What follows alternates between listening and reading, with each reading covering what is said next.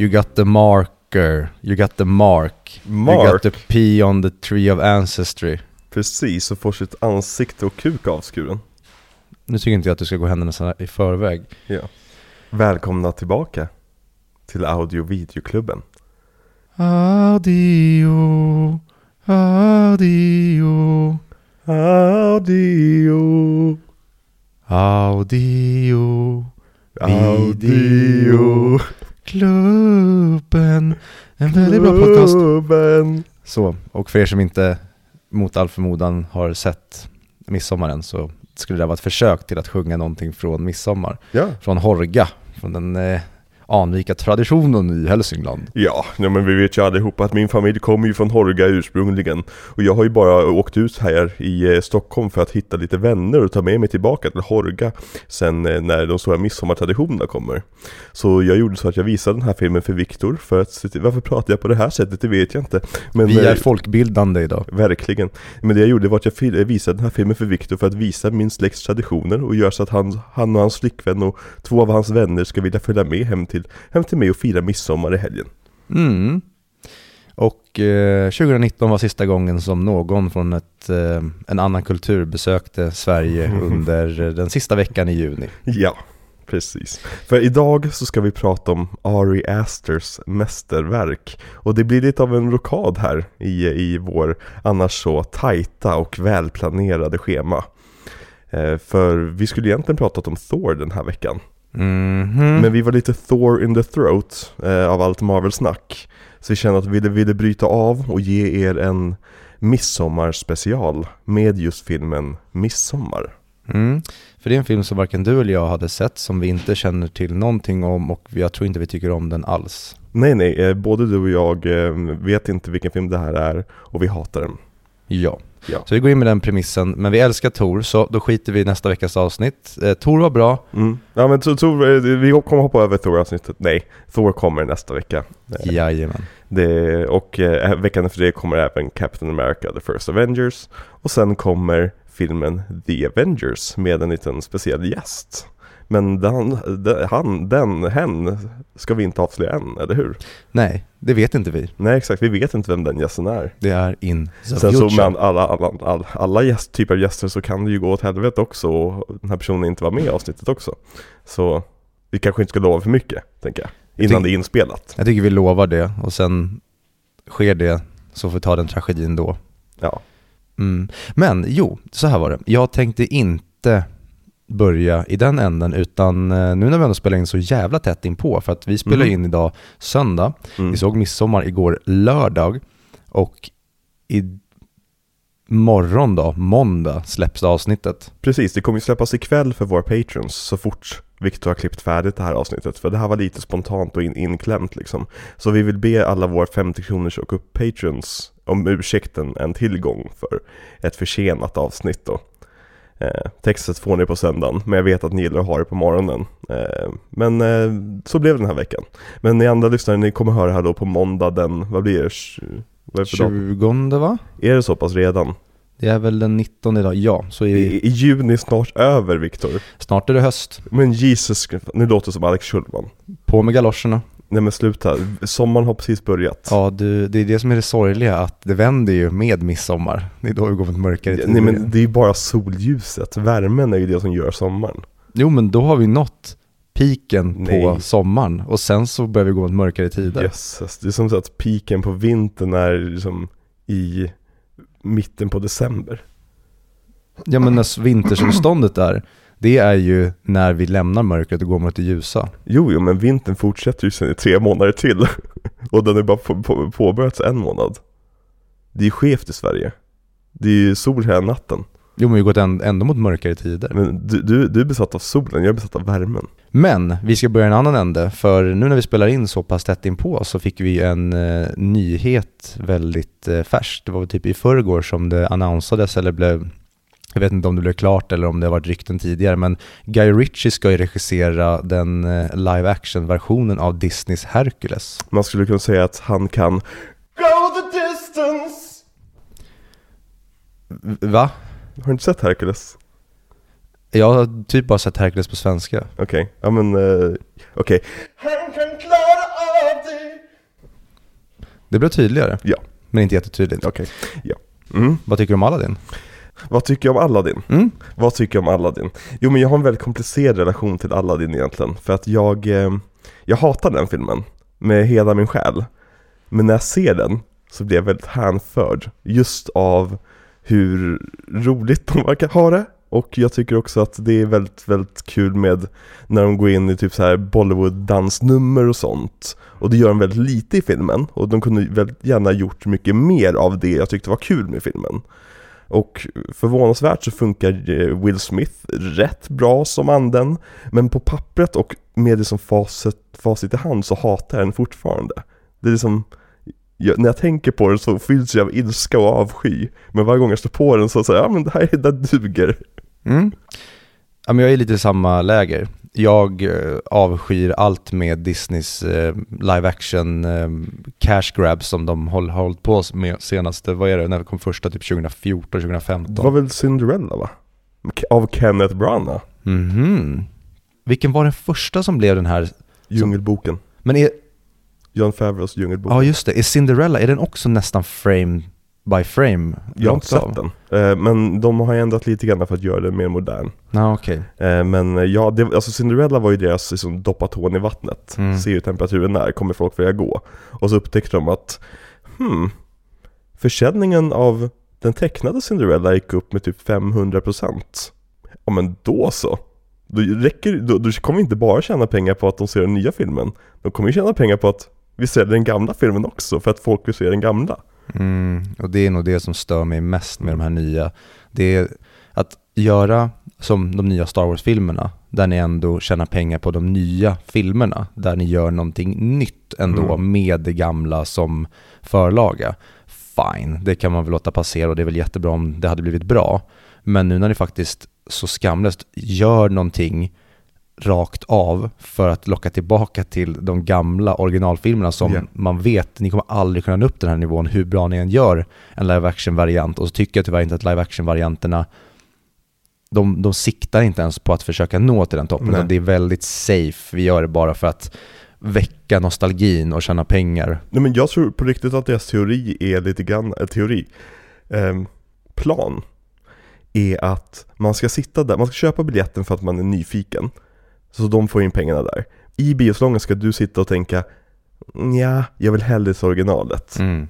Jag ser originalet när jag kommer hem Bara för att rensa ut lite av, av det här Mm. Få tillbaka min nostalgi Och så har de helt plötsligt liksom, fått två köp i priset av ett Jag tror på riktigt att det är deras plan Jag med till 100% och det funkar ju. Jag, Ja. När jag var och jag satt, jag, jag körde typ en sån eftermiddagsbio och körde mina biopoäng på SF när Mm. Lejonkungen kom. Åh, får jag avbryta lite snabbt om SF och biopoäng? Kör. För jag kommer för första gången förlora mitt guldmedlemskap på eh, Filmstaden eh, Sen 2007 på grund av att de inte, de har på något sätt lyckats spärra mitt bankkort på SF, eller på Filmstadens hemsida. Så jag kan inte köpa biobiljetter och eh, deras kundsupport säger att nej det här är bankens problem. Och så här, jo men det är den enda sidan som det inte funkar att köpa på. Och så har det varit hela det här året.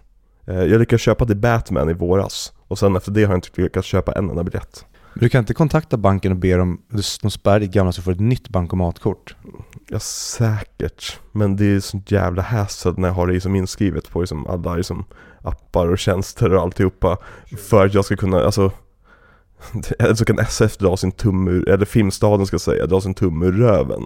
Men de har ingen kundservice som man kan prata med heller Utan de har bara- en kundservice som man kan chatta med eller, eller mejla med. Så jag får ingen hjälp där. Så om det är någon som är väldigt bra på det här med liksom digitala betalningsmedel och hur Filmstaden funkar Får ni jättegärna höra av er till mig så att vi kan lösa det här för att, eh, ja sagt, jag kommer förlora mitt guldmedlemskap på Filmstaden för, för första gången på typ 15 år nu. Det är en sorgens dag. Ja men det, det är det. Alltså jag, jag älskar att gå, gå bio. Den här som, alltså, jag har inte kunnat gå bio alls när det här, alltså, jag kan ju såklart åka in till en biograf och köpa på plats, men jag bor ju i Haninge. Liksom, jag tänker inte åka in och chansa på att det finns biljetter. Men hur lång tid har du på dig? Vad, vad måste du åstadkomma? Jag måste köpa biljetter för 800 kronor innan årets, innan årets slut. Vad fan, vad är det? Tre IMAX-visningar? Det borde Ja, ja precis. Och de går jag jättegärna på. Filmstaden, hear me. Jag betalar jättegärna för biljetterna. Låt mig köpa er produkt. Ja, vad Men- var det du skulle säga? Vi gör så här då, vi eh, gör en um, räddningsinsats tycker jag. Och så nästa gång du köper bio, så, eller att du ger mig typ din inloggning. Mhm. Så när du ska boka så hör av dig till mig så går jag in och bokar och så swishar du mig bara. Jaha, att du loggar in som Alexander liksom? Ja, och så Okej, betalar jag. men precis. Och så men kör man en swish. Ja men det kan ju funka. Det är nice. Och det är, thank you Lord, alltså digitaliseringen har fört med sig så många mindblowingly bra grejer och en av dem är ju till exempel att man åker till affären, som igår, jag var på Biltema och skulle Mm. handla campinggrejer för min sommarcampingresa. Och så har jag glömt plånboken. Som tur var har jag med mig en polare som har sin plånbok med sig. Ja men skitsmidigt, då pröjsar han, jag swishar direkt. Och det kan man även göra, det vet jag folk som har gjort med främlingar i butiken. Bara, ah, fan, jag står här nu längst fram och ska betala. Jag har inte min plånbok. Kan du betala snälla? Mhm. Här har du Swish. Och det är en sån underbar jävla grej att vi, just penga-grejen, att vi har verkligen, vi har inte flyttat oss bara från att inte använda kontanter. Mm. Vi har tagit det ett steg längre. Ja, preppen i mig skriker ju. Alltså, Ja, be- be- bekvämlighetstörst, den, den bekvämlighetstörstande personen i mig är Mm. såhär, ja, underbart, älskar Swish, älskar att vi inte behöver gå runt med massa kontanter och grejer. Så jävla säkert, du kan spärra ditt kort om någon rånar dig, jada jada. Alla andra sidor i mig skriker att det här är ett misstag, det här är ett misstag. vi är så jävla fragila. Ja men, ja, men det är så här, Kina har ju nästan helt och hållet ersatt sina, si, sitt valutasystem med digital valuta. Och deras uteliggare sitter ju på gatan med en QR-kod runt, runt halsen. Vi behöver inte satir i samtiden längre. Ja, nej men och det är liksom så här, och, och i, och med att, i och med att Kina har så jävla bra kontrollsystem med sitt eh, social credit system Mm. så är ju pengarna direkt kopplade till ditt social credit system också. Så, så om du har börjat bete dig dåligt eller om du har börjat liksom ja, skriva eh, dåliga saker om vad som inte hände på Tiananmen Square eh, då, då kan de ju bara säga att ja, och nu finns inte dina pengar längre. Bye bye. We love it. Ja, och det är därför, just därför jag känner att eh, kontanter ska vara jävligt soft om vi går tillbaka till att använda mer kontanter kanske. Snart så. Jävla Benny Andersson. Snart tar AVK-partiet över riksdagen, vi störtar allting, Mm. grevarna Montetala kommer ha någon slags eh, Dark Knight Rises Court, där vi bara döm, dömer dem till Death or Exile, eller Death by Exile också. Så eh, vi är Exakt, på väg, vi, exakt. vi löser det snart, tar vi tillbaka kontanterna. Ja. Och, och Death by Exile, det är ju då att man får sitta och kolla på Gotti Mm. tills man dör. Eller Now You Ja. See Me, eller annan smörja. Ja, eller Now You See Me 2 snarare Jag kanske. vill inte, jag, vi- det, det är ärftligt det där. Vi drar in båda familjemedlemmarna i samma skit. Du, nej du, du, du skulle berätta, jag derailade, du gick till Filmstaden med dina biopoäng för att se en Disney-remake. Just det. Jag satte mig en eftermiddag, betalade mina biopoäng och tänkte, men fan, jag kan väl lika gärna se den live action inom citationstecken versionen av Lejonkungen som är tokanimerad men eh, faktiskt där de har gjort det i en hel värld som är i samma animerade stil som är nästan fotorealistisk men inte fotorealistisk. Och när man håller det på den nivån, då är det lugnt. Mitt största problem som jag kan åt, eh, återkomma till vid något tillfälle, jag vet inte riktigt, är ju när CGI inte funkar med resten av världen. Mm. För att har du en hel CGI-värld, då tycker jag oftast att det kan funka skitbra. Som i Lejonkungen-fallet, att där han gjort det väldigt snyggt med djuren, det ser nästan fotorealistiskt ut, men alla är ju från samma värld, så då funkar det. Jag tycker att Lejonkungen är för fotorealistisk. Det gör så att vi inte relaterar med de här djuren, för helt plötsligt så är alla djur helt döda i ansiktet och har döda själar. Och en av de un- mest underbara sakerna med Lejonkungen är som all färg i den filmen. Och hur som färgsprakande den där. Tänk, eh, tänk bara på som eh, Just Can't Wait To Be King-sekvensen. Mm. Man hoppar runt där. Hur, hur bedrövlig den var i live action-remaken. För att Lejonkungen hoppar, äh, Lejonkungen, Lejonungen Simba hoppar ju bara runt liksom. Och, men det händer ju liksom ingenting. Nej. Och, och, och ansiktsuttrycken är helt, helt avmattade och ja, alltså visst, alltså ett vårtsvin är ingen snygg varelse Men Pumba ser ju ut som ett monster typ Mm. Han är, han är inte alls den här liksom huggable, lovable liksom Pumba som man känner. Nej, det lasset får ju um, Seth Rogen dra helt själv där. Fast det är inte han som har animerat Pumba. Nej, men det är han som gör rösten. Ja, du menar, du menar att han, han, han, han har mycket arbete att göra där liksom. Precis. Ja, precis. Okej, menar, Mm. ja. Ehm, ja. nej, så jag, absolut, jag håller med dig om det, men där är det så här, ja men fan, det, det här var ändå intressant, ni, ni har gjort någonting, men det som slog mig mest var att ni hade kunnat göra streckgubbar Mm. så länge ni har Hans Zimmers musik. Ja. För att det är cheat code. Det är typ, jag skulle nog säga att det är den största cheat coden i filmmusikens historia. Du skulle kunna göra vad fan som helst och komma undan med det så länge du har Lion King-musiken. Alltså King of Pride Rock är det bästa eh, filmmusiktemat någonsin, ska jag säga. Jag är inte där vet jag till 100% men This Land Mm. är ett av de mest emotionella musik, Mm. filmmusikspåren för mig ever. Och det är jättesvårt, när jag var på Hans Zimmer i våras, efter skulle jag försöka typ ranka, så här, vilket är hans bästa Mm. tema? Men det går typ inte att, göra, för att alla är bra på sin egna sätt. Men Lejonkungen är ju absolut up there. Mm. Och sen ska Beyoncé waila lite grann också i mitten av filmen. Precis, och, det är precis som med, om vi går till Top Gun Maverick, att när de blandar in Lady Gaga, Mhm. där är ju största problemet tycker jag med musiken i den filmen och samma sak är det i Lejonkungen, de ska göra någon modern jävla slinga Mm. eller någon modern låt som de bara ska få in och tjäna pengar på. Men jag tycker att ehm, det ändå är, nu har jag lärt mig att komma förbi hatet mot att de så skamlöst cash-grabbar på Disney-filmerna. Mm. Och nu framförallt när Guy Ritchie är inblandad som är en det är alltid kul att se vad Guy Ritchie gör. Ja. Så är det kul att säga, ja men fan du gjorde alla din, det var kul, jag hade sett, sett att den aldrig gjordes, men det var ändå någonting kul. Det Ja. var okej, det var sevärt. Jo men och, man förstår uppdateringen lite grann där.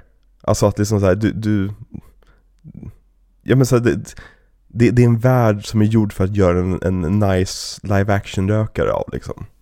Mm, sen har jag jättemycket problem med det Aladdin, att det är den här lilla King Arthur-sjukan nästan med där det är väldigt mycket CGI som går du inte in i det helhjärtat med att det ska bli nästan camp, då kan jag tycka att det blir lökigt. Sen tycker jag det finns mycket glimten i ögat, för det är alltid när Guy Ritchie gör det. Använder du ordet camp, Viktor? Mm? Jag är stolt över dig. Thank you. Ja. Nej men eh, okej, men vad tycker jag om att Guy Ritchie ska göra Hercules? Mm? Jag så länge Danny DeVito spelar eh, Fille så, så är jag med. Nej men, nej, men jag tycker, alltså jag, jag är... Jag, jag vet inte vad jag tycker. Jag älskar Guy Ritchie och jag tror att han kan nog göra någonting mycket mer roligare med det här än med Aladdin. Mm? Eh, jag tror att den här, i och med att den inte är så otroligt ikonisk som Aladdin, så kan han nog leka lite mer med vad Hercules är för något. Så jag, jag vet inte, jag är nyfiken men jag är orolig för att jag vill att Guy Ritchie ska göra annat. Men han säger han har tid att göra allt i världen verkar det som. Han pumpar ju ut filmer. Helt så det är liksom så här, ja om han vill pumpa ut den här också så får han väl pumpa hur mycket han vill. Mm. Ja, verkligen. Sen önskar jag att han hellre hade kunnat lägga den tiden också på att göra kanske någonting mer The Gentleman liknande eller Snatch-aktigt. Eller en Men- uppföljare till King Arthur. Ja, eller att release the Guy Ritchie cut där han får helt fria tyglar. Precis. Bara ser hans aura i den. Men jag började fundera då, eller jag läste framförallt först en artikel på Slash Film Mm. där de hade tagit fram eh, sina castingval och tänkte, ja fan vad kul. Nämnde de Noah Centino eller? Det vet jag inte vem det är. Okej, han dras alltid upp numera när det kommer till casting av un- unga, snygga hunkar. Okej, Ja. men det, det kanske var han som de nämnde för jag tänkte att, ja men fan vad kul, det, det finns ändå väldigt många roliga och eh, spännande castingval och, som det går att Mm. kika på när det kommer till Hercules för att jag tycker det är, framförallt på den svenska, alltså Dan Ekborg som Hades är ju helt jävla underbar Mhm. och Johan Ulveson som, jag tror han gör både Skrik och Panik. Och det var ju eh, James Woods som gjorde den på engelska. Just det. Och ehm, Peter Harrison gör ju Filoktetes. Mm, jättebra. Som eh, liksom, fan. eh, det, han är ju nästan som Sveriges Danny DeVito i, liksom, i aura lite grann. Mm. Så ja. Verkligen. Ehm, nej, och då var det att de hade tagit fram någon asiatisk hunk som skulle spela Hercules. Det var deras Henry Golden kanske? Minns faktiskt inte. Men jag gick vidare sen och kollade på Meg och då var det någon eh, stor överviktig kvinna.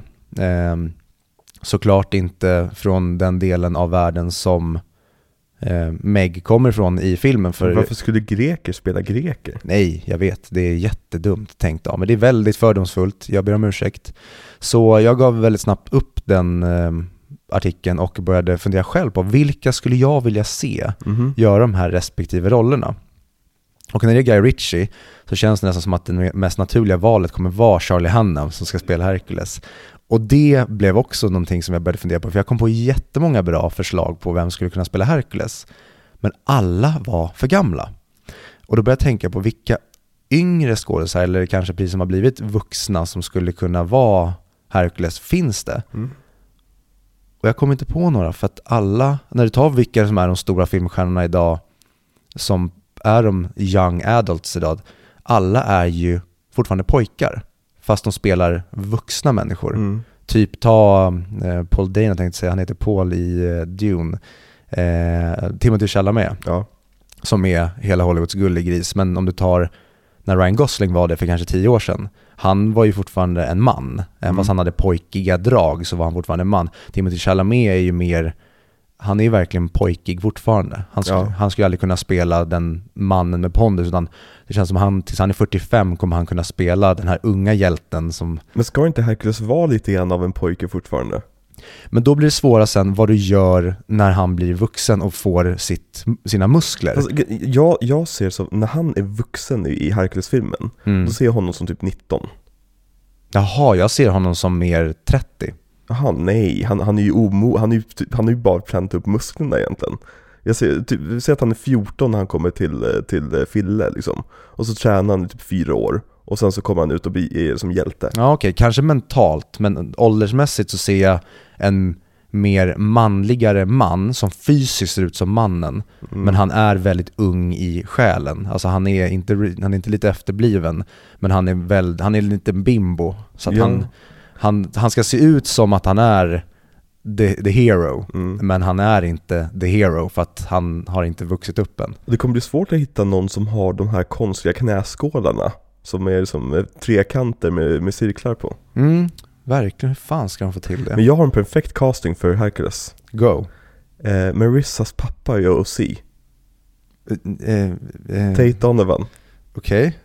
Ja, det är han som gör rösten till Hercules. Jaha, är det? Jaha. Alright. Ja men, då kör vi body aging. eh. Ja, på honom Ja, så man har ju lite krullet liksom. Mm. Ja. För jag började fundera då, och då blev det så här, okej, men skulle man ha en, en jag hade ju velat ha i deras unga år, då hade jag velat ha en eh, Ryan Gosling som då har spelat Young Hercules, Ja. ehm, eller en Chris Hemsworth för kanske 15 år sedan, eller till och med en Alexander Skarsgård tror jag, för att just hans eh, icke-intellektuella stil som vi får Mm. se i ehm, typ alla hans roller, tror jag hade kunnat funka som Hercules. Att man gör honom väldigt stor och bufflig, men till den här bimbon då, Mm. den väldigt naiva och blåögda. Men då tänkte jag, för jag hittade ingen som var perfekt åldersmässigt, men Billy Magnussen, Men han är ju redan med i Disney. Han är med i Aladdin. ja, och då är det så här, vad fan, ta med honom igen, då har han jobbat med Guy Ritchie och då vore det kul för att jag älskar Billy Magnussen, jag tycker Mm, att han jag är med. väldigt, väldigt rolig och framförallt han ser ut som, hade inte Ryan Gosling spelat Ken i Barbie-film, då hade Mm. Billy Magnussen kunnat göra det. Men jag tycker mer han är en skurkig person. Ja men precis, han ska ha ett mörker i sig. Eh, jag, jag, nej jag tycker inte han passar som Hercules. Men å andra sidan, vi har ju olika, olika, olika syn på åldern på honom. Jag tycker Billy Magnussen känns lite för gammal också. Mm, han, jag tror att fan, han är nog 30 plus redan. Ja, om inte mer. Så eh, Hercules landade jag inte i, det var ingen som jag kom på som Nej. var klockren, utan alla blev för gamla som jag satt och funderade på. Men då gick jag vidare till då Meg, Mm. och där hamnade jag lite i samma träsk, men där tänker jag att hon ska ju vara den som förför honom, så där skulle det kunna funka att göra henne lite äldre än vad Hercules är. Mm, mm. Ja men det ser jag också i deras dynamik, att hon är äldre. Mm. Och då är bara frågan om hur stor skillnad det ska vara på dem. Men den som jag tänkte på direkt, det är ju Michelle Dockery från The Gentleman som spelar eh, Matthew McConaugheys fru. Hur- Vad mer har hon varit med i? Ingen aning. Okej. Så det, det är det enda jag sett henne i, och jag tycker att hon är grym i The Gentleman. Jag väntar hon som blir kidnappad. Ja, eller precis hon som nästan blir rapad Ah, på Okej, ja, ja, kontoret. yes, yes, jag är med på nu. Okej, Mm. ja. Mm. Eh, men annars tänkte jag så här, ja Zoe Kravitz hade kunnat funka skitbra. Mm, Natalie definitivt. Portman hade också kunnat göra den tror jag. Ja men Zo- Zoe Kravitz har ju den här liksom förförerskan-viben i sig. Mm, hon fick ju verkligen till det i eh, Batman. Ja men verkligen. Och också eh, en känga till de som skulle hävda att, mm, att vi inte är intresserade alls av att casta personer som har en hudfärg. Så som Zoe Kravitz skulle passa in hur bra som helst. Men hon är också hon passar ju in väldigt bra som helst. Men jag tänkte på 90-talet, Mm, Catherine Zeta-Jones hade ju varit perfekt. verkligen. Och sen så gick jag vidare och tänkte på typ så här, Lea Seydoux hade kunnat spela. Hon har också den här lömska blicken, men då kanske hon är Mm. för uppenbart. Man ska ha någon som ändå kan Ja. vara väldigt snäll, men som har det lömska där bakom. Precis. Eh, och även Daisy Edgar Jones som nu är väldigt, eh, en väldigt het potatis, var senast med i Fresh med Sebastian Stan. Mhm. Hon eh, var med i eh, mästerverket tycker jag, Normal People för er som inte har sett det. Älskar ni romantiska dramaserier så är Normal People typ det bästa jag sett ever. Där hon är helt amazing. Eh, även Lily James hade kunnat passa som henne. Men sen vidare till Hades. Pugh. Nej, hon är för ung. Och det, det kommer hon, kom- hon är lite för, inte oskyldig men lite för snäll liksom. ja, men jag kommer komma till det sen också när vi pratar om själva midsommar. Ehm, en Florence Pugh-vinkel. Jag ska försöka komma ihåg den i alla fall. Yes. Hades. Hades. Och där skulle man kunna ha riktigt kul. Och då hamnar jag tillbaka i, i och med att vi är Guy Ritchie-värld. Mm. Tänk att se Matthew McConaughey göra Hades. Oh.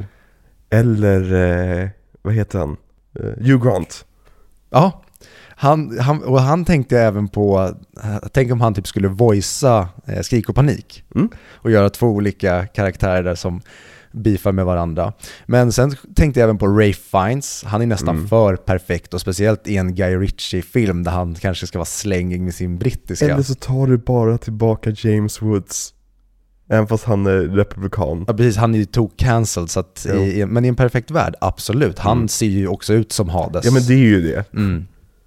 Och sen tänkte jag även på Col- Colin Farrell hade kunnat göra en jätteroligt, för nu är jag ju verkligen Mm, i Guy mm, Ritchie-världen. precis. och vilka som kan axla en Guy Och vi ska Hades. prata om eh, Gentlemen i, i sommar på Patreon. Mm.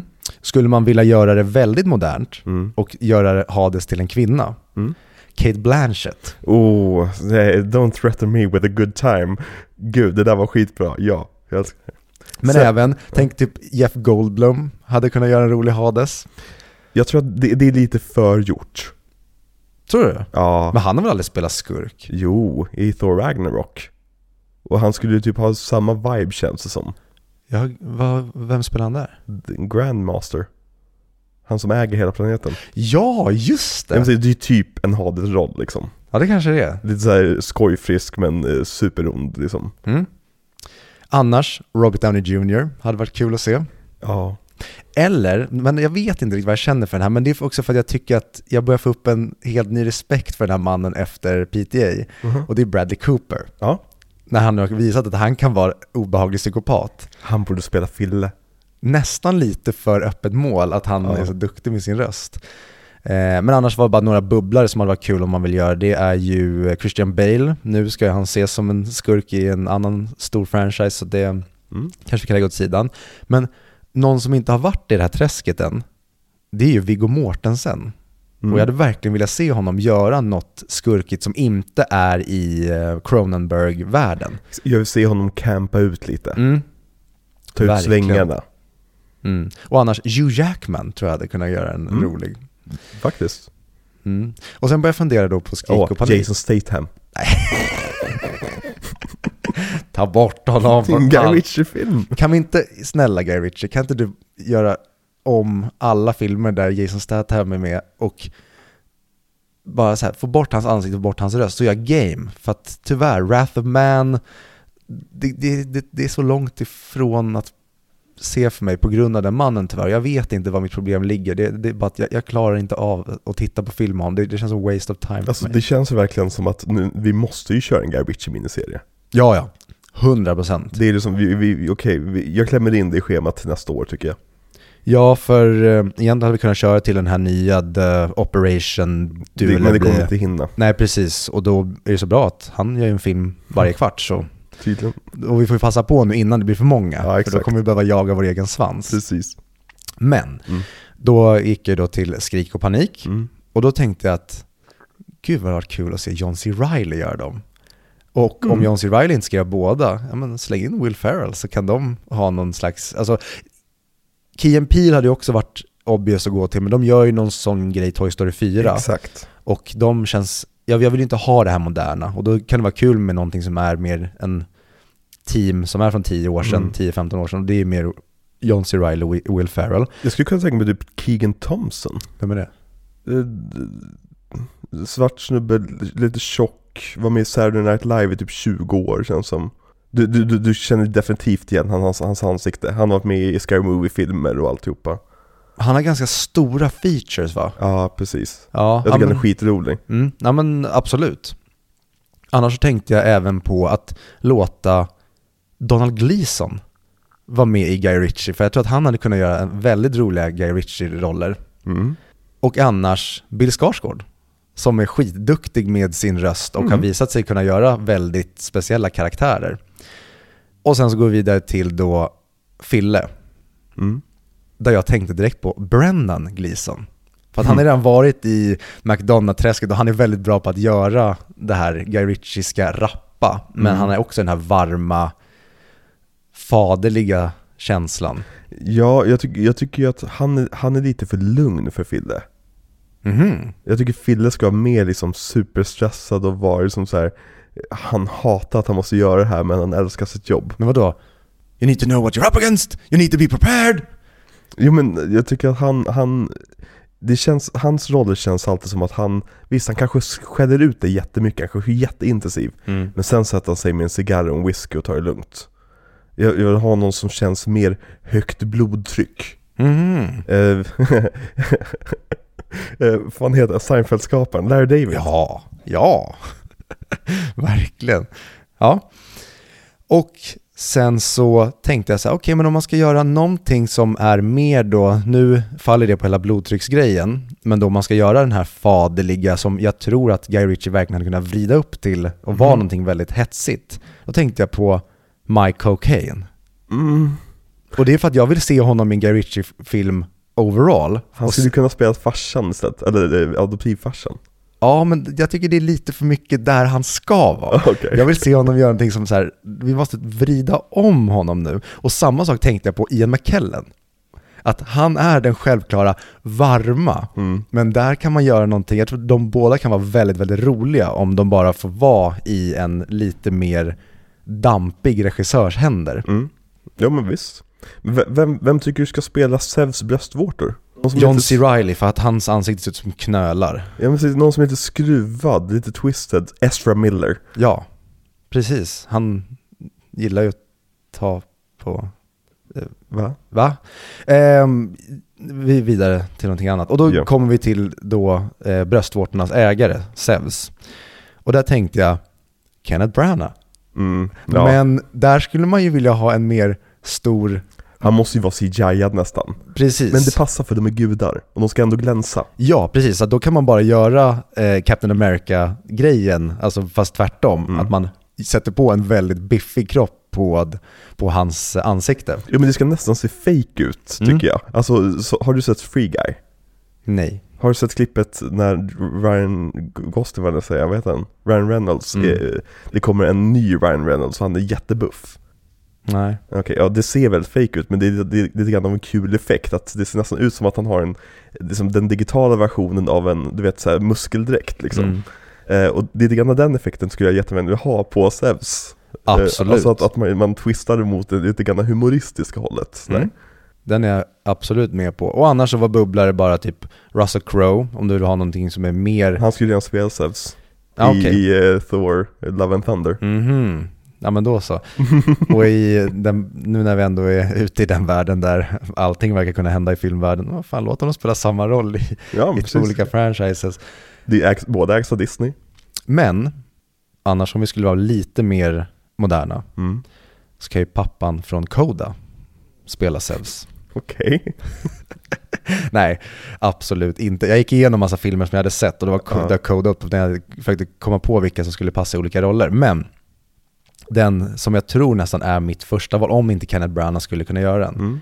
Mm. Josh Brolin i en Guy Ritchie-film. Men det känns också som att han har ju, han, nu när han är Thanos, Mm. då är han redan i det, den här Precis. stora pondusfigurens träsk. Jag tycker Men- han känns lite för, eh, lite för allvarlig. Jag vill att Zeus ska vara lite av en, av, av en goofball, men som har den här väldigt allvarliga sidan. Mm. Men när jag tänker på Zeus tänker jag på hans stora jävla leende. Ja, han, han är också lite bimboig som Hercules. Ja men exakt, exakt. Så Det det skulle inte vara kul om Ryan Gosling spelade Zeus.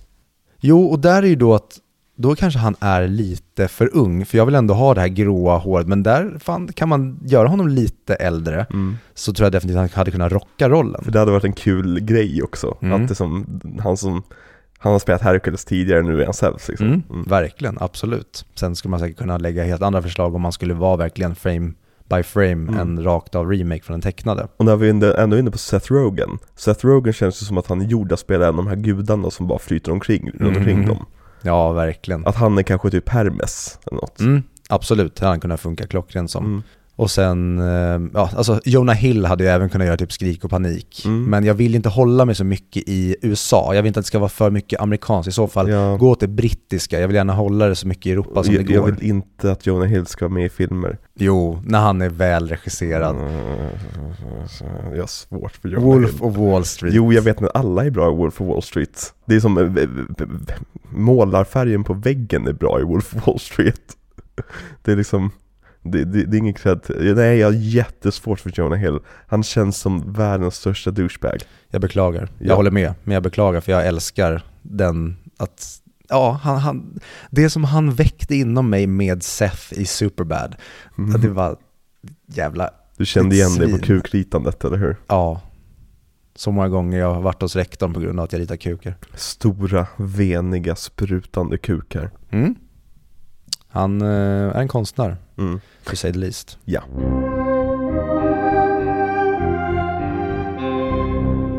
Men, då hoppar vi rakt in i, ehm, i filmen och jag skulle vilja börja prata då om eh, mannen som har sytt ihop det här paketet. Mm. Ari Gold. Avi Arad. Nu tycker jag bara att du räknar upp massa judar här. Ike Perlmutter. Med fler judar här.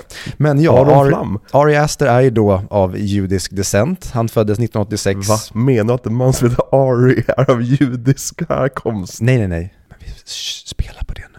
Han är egentligen en eh, blond nazist. Ja, okej. men flydde till New York 1986 och eh, återföddes i en judisk mans kropp. Okej. 86? Mm. Oh Jesus Christ. Så att det är en, eh, en gammal man. Jag tänkte, fan vad ung han är, men sa ja, du har ju rätt om Jag det ville, också. jag ville bara ge det mer ålder. Ja, jag vet. Tack så mycket Viktor, jag fyller 31 i år. Eh, och eh, han kommer ju då lite från en konstnärsfamilj. Hans föräldrar var musiker och poeter. Och han har då lyft eh, Ingmar Bergman som sin största förebild när det kommer till hans filmskapande. Och det är ju roligt då att han sen fick hamna i Sverige inom citationstecken. Han fick aldrig hamna i Sverige, men han hamnade i Sverige som kontext. De spelade väl in lite eh, så här covered shots i Sverige väl? Ja, alltså de typ lär så väl när de åker i bilen och eh, gatuskyltar och sånt där. Men jag tror inte han kanske var här. Nej, alltså mycket möjligt. Ja, Ja. för de har ju alltså en Hälsingland-vägskylt så att någonting, och det kanske bara är ett svenskt filmteam eller att eh, Pavel åkte över och eh, fotade det. I don't know. Ja. Han eh, pluggade på AFI då, som är America's Film Institute. Och där han fick ett stipendie för att han ehm, ja, började göra väldigt intressanta saker tyckte vissa. Mhm. Och jag har då sett två av hans mest eh, hyllade kortfilmer. För att det var, han gjorde kanske 6, 7, 8 stycken kortfilmer innan, sen har han säkert gjort fler som bara inte finns med på hans IMDB. Men jag kollade upp vad han hade gjort. Och då såg jag från, jag tror att det är från 2010, så är det en film som heter, jag tror att den heter There's something strange about the Johnsons, eller The strange about the Johnsons. Who you gonna call? Ghostbusters. Exakt. Ja. Det är då en spökfilm. Nej, det är det inte. Utan det här är någonting som, jag skulle aldrig säga att jag skulle kunna skrivit det här, men själsligt så hade jag kunnat skriva det här. Okej. Den här kortfilmen som är 25 minuter, den finns på YouTube, jag skulle verkligen rekommendera alla att se den. Ja. Den börjar med, det handlar om en familj då med en pappa, en mamma. Det är en svart familj, övre medelklass. Pappan är författare, eller poet tror jag till och med att han är. Och filmen inleds med att vi hör ett ljud som låter ungefär så här. Åh nej.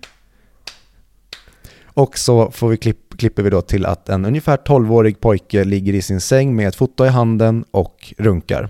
Jaha okej, men det var inte så farligt. Och sen så stormar hans pappa in och det blir jättestelt och pappan stänger dörren och han ber om ursäkt och sen så frågar han om det är okej att han får komma in och det blir lite stelt och han säger det, det är helt okej, det är helt okej. Det, det där är helt normalt att man gör det, alla, alla gör det. Eh, och så frågar sonen, gör du också det?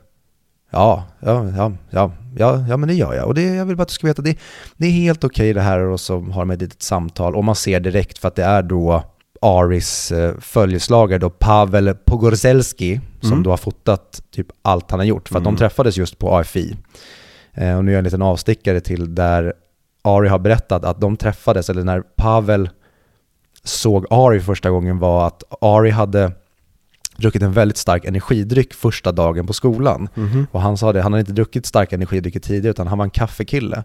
Så att han var speedad utav bara helvete. Så han gick runt till alla och bara hälsade Hej jag heter Ari, jag gillar film. Eh, just det, det, det säger sig självt, vi är här på filmskolan. Och att han tyckte att han verkade som en, en rolig snubbe. Mm. Och sen så började de jobba tillsammans och Ari brukar säga det att Pavel är typ det bästa som har hänt honom för att han verkligen vet exakt hur han vill att hans saker ska se ut. De verkar verkligen ha en, som en, en, en djup underliggande kontakt. Mm. För att liksom Aris vision kan Pavel hitta på en gång, verkar Mm. som.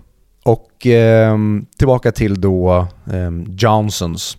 Så ehm, innan pappan går ut så säger då sonen Asaya till honom att Dad, I love you.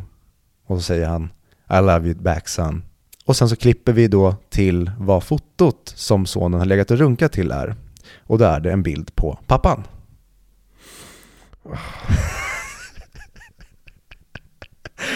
Och sen så klipper vi till 14 år senare när, när sonen har gift sig. Och de står och tar bröllopsfotona och han har, pappan har armen om sonen. Man ser sonens arm som ligger på pappans axel. Handen går ner längs pappans rygg och han klämmer åt honom om skinkan. Och vi får sen följa ett drama, jag, jag vill egentligen inte säga så mycket mer, men om där sonen våldför sig på sin pappa. Det är klart som fan du tycker om den här. Och det är massa andra element i det här som är, det, det, det är verkligen, för er som har sett då Hereditary och även Midsommar, Ja. det är precis samma stil som, det, det, man sitter, man vet inte om man ska skratta eller gråta för att allting Mm. är bara jätteobekvämt. Det är ju väldigt mycket Ari Asters grej. Mm. Att, att, att hitta det obekväma och peta på det här blåmärket liksom. Och, och få en att, att vrida sig i biostolen och så här, men är det, var det där ett skämt eller inte? Och väldigt många är som, ska säga, som Wikipedia-tittare, för att använda ett, ett eh, gammalt klassiskt AVK-begrepp. Eh, De har väldigt svårt för hans filmer, för de, de vet faktiskt inte, de vet aldrig riktigt hur de ska reagera på saker och ting. Mm. Det finns ju till exempel ett ögonblick, nu ska jag inte spoila någonting, men i Hereditary till exempel, vet med boken och, och eld- eldstaden och det som händer sen. När vi såg en bio, då började ju folk garva. För Ja. det hände så, så um, matter of factly. Mm. Men det är ju skräckinjagande imagery egentligen. Liksom. Mm. Och det har jag även läst att är det största problemet som folk har med Ari Asters filmer, Mm. det är att de som inte är uppslukade av hans värld och ton, eller de som kanske inte vågar tycka att det här är... Vad är det som händer? De skrattar för att de inte själva vågar gå in i den känslan, utan de, Mm. de, de kanske inte förstår eller är med på tåget. Och då sitter de och säger ha ha ha vad töntigt det här är. Ja men det är som att de tror att han inte, inte har 100% kontroll över tonen. Och det är ju det lite grann, jag, alltså, du får jättegärna tycka illa om filmer och tycka att filmer är larviga och så vidare. Men när du liksom misstar en mästerregissör för en person som har råkat lägga in någonting som blir larvigt omedvetet, då, då kanske du borde tänka efter som, tror du verkligen att du är smartare än den här mannen? Mm. Ja, verkligen. För som jag, jag såg det på Twitter till exempel när den här filmen kom Jättemånga på liksom högerkanten som hatade midsommar för att de säger Den här är larvig, det här så här är inte svensk kultur, fattar han ingenting? Tror han verkligen att det är så här vi firar midsommar? Och det är så här, du vet idioter som Therese Verdun liksom, IQ 85 så här, Tror du på riktigt, du som, som white trash kvinna som bor ute i Arboga, att du är smartare än Ari Aster? Att du har överlistat han här? Ge honom lite cred liksom, Koll, Mm. liksom Fotot, alltså bara fotot skvallrar om, om en högre intention än vad du kanske ger det. Mm, och det, gillar man inte vad som sker i midsommar eller vad, egentligen bara man, man inte håller med om tonen, Mm. Så är det som att titta på, nu ska vi, kommer vi prata om, och jag vet inte om vi ens kommer gå in så detaljerat på det, men vi kommer prata om Directors Cut. Mm. Ja, ja, men precis, det, det är den vi ser. Ja, och det har Ari Aster sagt att det är hans film. Från Mm. början var filmen 3 timmar och 45 minuter. Mm. Men då, då sa han att då, då var han nöjd. Men han sa när han hittade perfektion, eller när han kände att det här är min film, varken mer eller mindre. Mm. Det är 2 timmar och 50 eller 2 timmar och 45 minuter som Directors Cut är. Mm. Sen så blev det tjafs med studion, eller de sa att tyvärr, det, det går inte om vi ska ha den här på bio. Du, du måste ta bort en halvtimme. Absolut, och då blir det att man, man förkortar scener, man tar bort några scener som inte behövs, men samtidigt som han nämnde själv scenen med eh, när de ska då slänga ungen i sjön. Mm. Det ger en förklaring sen till när Conny ligger i skottkärran. Ja men precis, exakt. Sen, Men den är ju rätt meningslös på det stora hela. ja, och du hade till och med kunnat klippa den också om det inte är så att det är en jävligt snygg shot och det är så jävligt obehagligt när de rullar hennes lik. Så, så Conny kan bara försvinna. Mm. Det, det hade inte gjort så mycket för filmen egentligen, men Nej. då när han vill då ha olika traditionella homager eller han plockar saker, ja då Ja. är den här slänga i sjön-grejen en väldigt bra obehaglig grej. Mhm. Oh, ja, det är en väldigt bra scen också. Mm. jag är alltid glad när den kommer. Så, Åh, här, nu kommer den ja. Mm. Den är väldigt kraftfull, framförallt när det handlar om barn. Ja, precis. Det blir lite ex- extra läskigt att de liksom är på väg att mörda ett barn så att säga. De, det är ju det är skådespeleri, så de, de, de, och nu menar jag inte att det är skådespelare i filmen, utan att jag menar att karaktärerna i filmen har ett skådespeleri. Att, Mm. att liksom, min tolkning av den scenen är ju att det är vi har, att vi offrar saker under den här helgen, den här veckan. Vi offrar jättemånga saker som de dödar folk och så vidare. Mm. Och så, och så kommer den här mannen och säger att "Men ska vi inte bara offra lite till för säkerhets skull? Och att hela den här scenen, eller det här skådespelet som spelar upp är en slags moralisk berättelse om att oh, men vi måste hålla tillbaka också lite grann. Vi kan inte bara offra för att en person säger att "Jo, men jag tror att Gud vill ha mer. Mm. Eh, och det är väldigt liksom, det ger nyans till hela, hela kollektivet skulle jag säga. Mm. Ja, Jag tror jag har helt rätt i det. Mm. Och det, det, därför tycker jag att den scenen är väldigt viktig att ha med om vi ska förstå den här kulturen. Mm. För det, det finns otroligt många lager i den här filmen och den berättar så många olika berättelser samtidigt. Men en väldigt stor del av filmen, det är just en, det här är en kulturdokumentär fast den är filmad som en spelfilm om den här kulturen. Mm. Och då är det jättebra med, ju mer kontext vi får, ju mer kan vi förstå dem. Även fast vi inte håller med Exakt. dem så kan vi förstå att det här är en kultur som vi inte förstår. Mm. Även du och jag inte förstår, trots att vi har väldigt många referenser i det till våran kultur. Men Oh ja. ta- ta bara folk som då är från USA, eller ta Conny och eh, Simon. Simon. Deras reaktion, Mm. som också är jättebra som en helt normal reaktion på Ja, någonting verkligen. sånt här. Och sen så har de andra då, eller som Christian säger, I'm trying to keep an open mind though. Mm. Att ja, vissa är kanske lite för open-minded. Ehm, men vad var det vi halkade iväg från?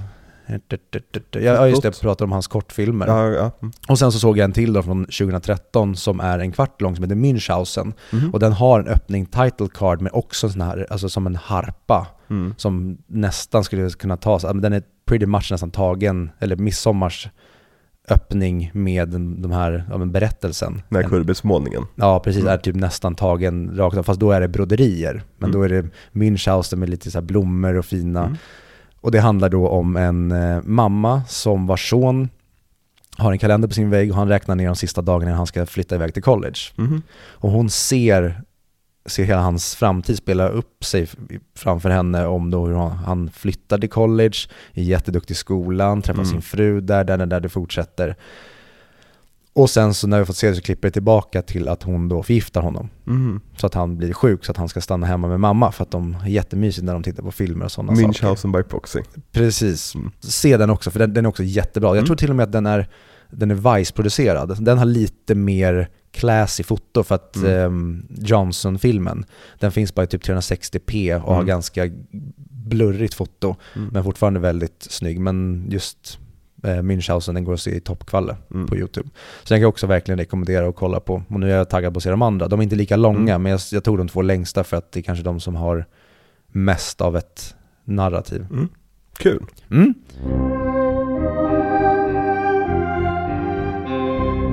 Vad finns det mer att säga om det? Det finns en scen i Johnson-filmen där det är bröllopsfesten och mamman går runt och letar efter pappan och sonen och går runt bland gästerna och sen så går hon till som de har som en liten minigård med staket runt med en eh, port till där de har sina soptunnor Mhm. som många hus har framförallt i USA Mm. där de bara har som en liten egen backyard för sina soptunnor. Och hon närmar sig det och hon hör ljud och sen så kliver hon nära och tittar i nyckelhålet precis som Danny gör i Midsommar. Och då ser hon då hur sonen knäpper upp pappans byxor och eh, ja, börjar suga av honom helt enkelt. Så det är kul att se i hans tidigare grejer hur det finns nästan Mm. rakt av shots som är Ja, men i hans senare verk. Många filmskapare gör ju det. Mm. Att de återanvänder som intressanta liksom, koncept eller bildrutor från sina tidigare short movies Mm. som de blev nöjda med.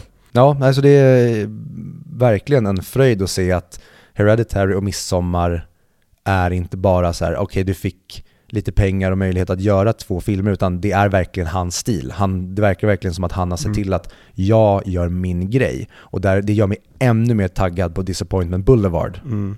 Men han, han, hans stil, om vi, om vi ska försöka sammanfatta den bara lite kort Han är ju lite grann som eh, Wes Anderson med ondska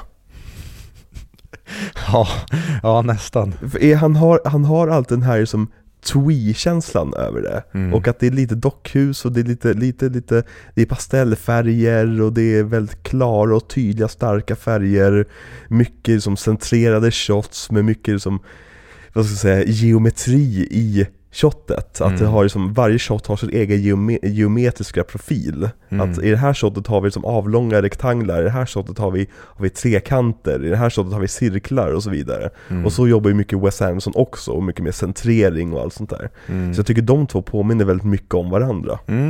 Jag skulle nästan vilja ge, säga att han är en, en mix i så fall att Wes Anderson, men jag tycker att, och det här är verkligen att slå på stora trumman, men det Ja. är för att jag tror att vi kommer kolla tillbaka på Midsommar om 10-20 år Mhm. som vi gör på Stanley Kubricks filmer. Ja men jag tänker typ eh, The Shining. Ja, liksom. för att jag tycker att Ari Aster i Midsommar, hade någon sagt till mig att nej men det här är Stanley Kubricks son som har gjort eller det här är en Stanley Kubrick-film.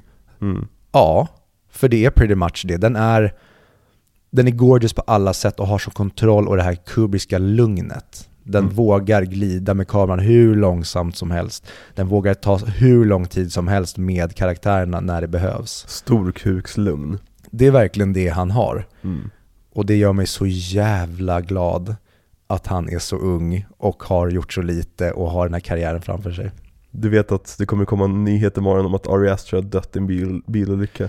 Och eh, då har jag dött i en bilolycka.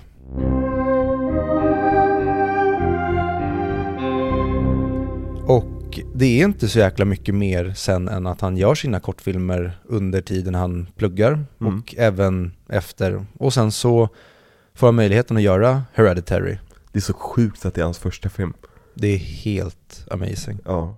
För er som har sett den, alltså fotot i den filmen är bland det snyggaste jag har sett. Mm. Hur de får deras hem att se ut som det där dockhuset som hon bygger till exempel. Mm. Eller bara hur de filmar sekvensen när de, ja inga spoilers men när de åker bil. Just det, g- ganska konventionell scen, händer inte speciellt Nej, mycket. händer, händer ingenting alls där nej. Nej, inget Alltså, huvudlöst bara, alls. Bara han bara sitter och kollar, stirrar rakt fram och Mm. inte vågar kolla bak. Mm. Mm. Mm. Och sen eh, följer han upp det då, för att han blev tydligen kontaktad av, jag tror att det är B-Re Film, Mm. Som jag själv jobbar ganska mycket med. Och de kontaktade Ari Aster efter att ha sett Hereditary och sa att vi skulle vilja att du gör en eh, film i någon slags svensk eh, folksagomiljö. Så det var de som kom till honom med konceptet? Det lät så på honom. Okej. Eh, sen vet inte jag, för att jag lyssnade inte vidare efter det. Och sen efter det så tror jag att då researchen börjar och han skriver allt det här. För jag tror inte att det här, sen kanske han har många av de här koncepten redan planerade i andra manus och han bara la in det i Mm. den här miljön. Men sen så, ja, får han fram det här manuset till Midsommar och jag undrar hur i helvete, var, var, var, var börjar du med något sånt här? Ibland, ibland kan jag förstå, eller jag förstår ofta stories för att det finns tydliga, ett tydlig, tydliga akter och en Mm. tydlig idé och så här, ja men okej fan, jag hade inte kunnat skriva det här manuset men jag hade kunnat komma upp på den här storyn. Mm. Men midsommar så är det verkligen att var börjar du någonstans Mm. med det här? För det är så många berättelser i en och samma berättelse. Jag skulle säga, precis som med Hereditary, så tror jag nog att han grundar alltihopa i relationsdramat. Att det är det som är grundbulten och sen lägger han på fluffet runt omkring. Mm. För att det här är en, oavsett vad folk säger, oavsett vad folk benämner det som, eh, folk kan kalla det här för en skräckfilm som handlar om en kult eller en, en, en eh, parodi på vad midsommar är och så vidare. Men det här är en film om breakup. Ja, 100%. Ja. Och det var så att när, i samma veva som han blev approachad om det här, då var det så att han precis hade varit med om ett breakup. Mm. Och då skrattade hela publiken i den intervjun att haha, såklart. Jo men bara för man märker verkligen katarsisen Mm. i att göra den här filmen för honom. För att det här är, liksom, jag vet inte, alltså han identifierar sig säkert både med Christian och med, eh, gud, vad heter hon? Ja, Danny. Danny, precis exakt. Han identifierar sig säkert med bägge aspekterna ur det liksom. Mm. Men det är ju liksom, allt det här, det här är en sån här film som man, man kan se den på ytan. Och sen kan man se den som den här filmen som ligger under ytan. Mm. Lite grann som med Mother och eh, eh, Enemy. Absolut, och det, det är min favoritgenre. Ja. Det är de här, eller minst multipla, alltså när du kan se en film som att det är det här eller det här. Mm. Och båda funkar. För att vissa, många filmer, eller många mindfuck-filmer försöker sig på det. Mm. Men då finns det filmer som, jag vill inte dra in Star Wars i det här egentligen överhuvudtaget, men ta eh, nu Obi-Wan Kenobi-serien, Mm. där en karaktär dör och sen så är det bara som att den dyker upp senare och bara “Jag var inte död”. Mm. Så Men du har ju bara inte, du har inte hintat om det här eller någonting, utan du, du bara gör en grej och sen ändrar du dig. Men i de allra flesta mindfuck-filmer, då ser du allting bara. Du, du har inte tittat första gången, Mm. men när du ser om det, då finns alla svar där. Så det är bara du som har varit ouppmärksam eller att filmen har lurat dig och fokuserar på helt andra saker. Obi-Wan Kenobi gav dig ett svar. De sa ju faktiskt att “Revenge does wonders for your will to live”. Duger inte det eller Viktor? Och helt plötsligt är Obi-Wan Kenobi en briljant serie. Ja. Det är bara jag som inte förstår. Ja. Mm. Nej men, nej men jag förstår verkligen, verkligen vad du menar. Och det är som varenda tagning i den här filmen är så kompetent utförd. Bara ta tagningen vi sitter och kollar på just nu, när snubbarna sitter och snubbar sig så att säga. Då har vi alltså en tavla på bröst som hänger precis ovanför deras huvuden. Mhm. Och, och, och liksom, här har vi också en hint, kolla på glasen. Ser du vilken färg en av dem har i sitt glas? Ah! Exakt! Visst, visst är det snyggt? Det Aj. där jag märkte till igår första gången. Jävlar. Mm. Men den här gången är det Josh, jag vet inte riktigt vad det betyder. Jag och tänkte på det. Men är det Josh eller Mark han säger senare He was already brainwashed when I found him? Josh. Men, men i det, i det, jag tror han menade att som Josh var redan intresserad av vår kultur innan. Ah, Okej, för... För Josh ger honom, honom en blick där, typ så här. Vänta, vad menar du egentligen nu? Ja, och vi kommer komma in på det, men den här filmen kommer kunna gå och se hur många gånger som helst. Ja. Du kommer hitta nya nuggets varje gång. Mm. Ja men bara som det vi la märke till igår allihopa att Vänta, de hugger av benen på Christian. Det hade vi inte alls tänkt på liksom. Nej. Och det, jag har ändå sett den här filmen typ fem gånger. Mm. Ja. Ja, verkligen. Massa saker som dyker upp för varje gång man ser om den. Men ska vi prata om eh, filmens MVP? Let us start in... eh, Låt oss prata om min flickvän. Ja, Mm. hur För känns att, det? Det känns väldigt, just nu känns det lite jobbigt för hon har åkt iväg och bott med Zach Braff i något år. Eh, Jag tycker det känns, känns jobbigt, jag har inte hört från henne på länge och det dyker ner brev i min låda lite då och då från som olika polismyndigheter om att sluta kontakta Florence Pugh. Men eh, jag känner att kärleken är evig och eh, I will get her. Och jag tror på er. Mm. Vad bra, tack så mycket. Nej men det, vi, är väldigt, vi, vi är väldigt kära, vi är väldigt... Hon, hon, hon skickade någon bild på så här. jag tycker att du ska använda den här ikväll och så var det en bild på en björndräkt. Jag vet inte riktigt vad jag ska ta det som men... Nej, alltså, och jag vill inte spekulera heller, det är ert förhållande. Jag står bara på sidan av och ser att eh, det verkar hälsosamt. Ja, nej men Florence Pugh hon är ju fantastisk i den här filmen. Alltså det var den här filmen som fick mig, jag tror det här var första filmen jag såg henne i. Och jag, jag blev ju stört förälskad direkt. Hon har ju sån jävla karisma. Ja, för att du nämner henne som MVP Mm. och utan hennes alltså slå i taket i alla tider någonsin när det kommer till skådespeleri, Mm. som hon lyckas med den här, så kan den här filmen väldigt lätt falla. Mm.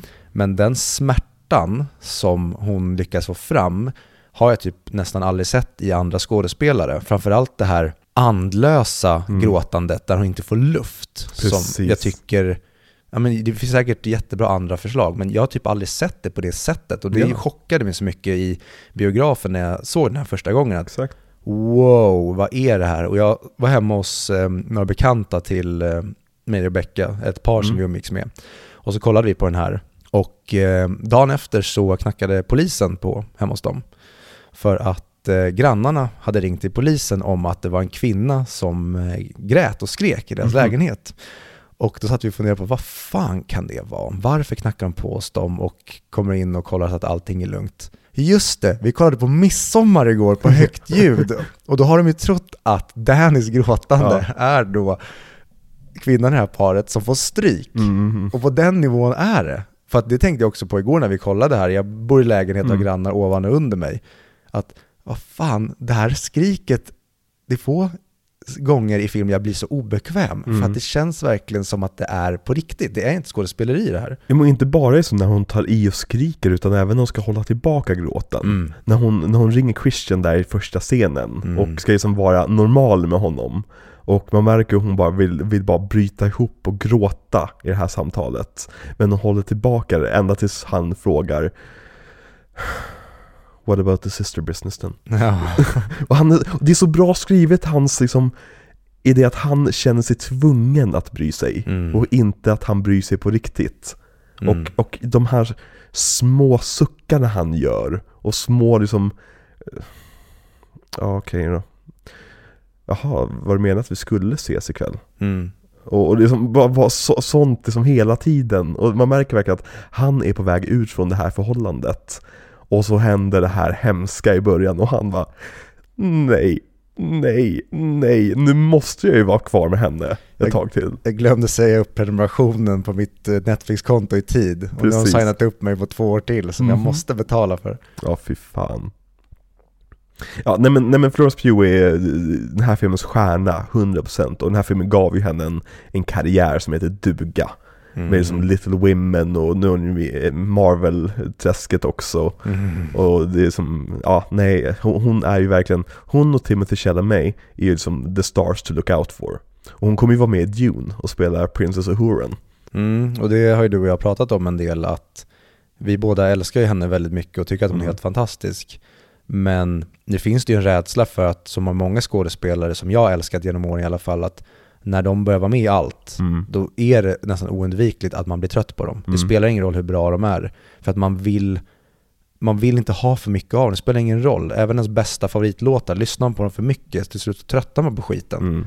Och det finns en liten oro för det nu med Florence Pugh, och, men samtidigt, ja vad fan, ni, har, ni struck gold. Precis, unna henne en paycheck. Ja, och då är det väl jättebra så här, skitbra, du, du har din Marvel, du är med i Dune, och sen kan du chilla lite kanske, eller börja vara lite mer selektiv med dina saker och Mm. verkligen bara göra de absolut mest främsta grejerna, vilket man kanske skulle kunna claima hittills att hon har gjort Mm. när hon var med i Little Women och hon blev Oscars och Bafta-nominerad för sin roll där. Mm. Och sen därifrån så har det bara skjutit vidare. Visst blev hon nominerad? Ja, det är Ska inte hon vara med i Oppenheimer? Jo. Ja, eller hur? Det är klart hon ska. Bing! Ja, precis. Verkligen.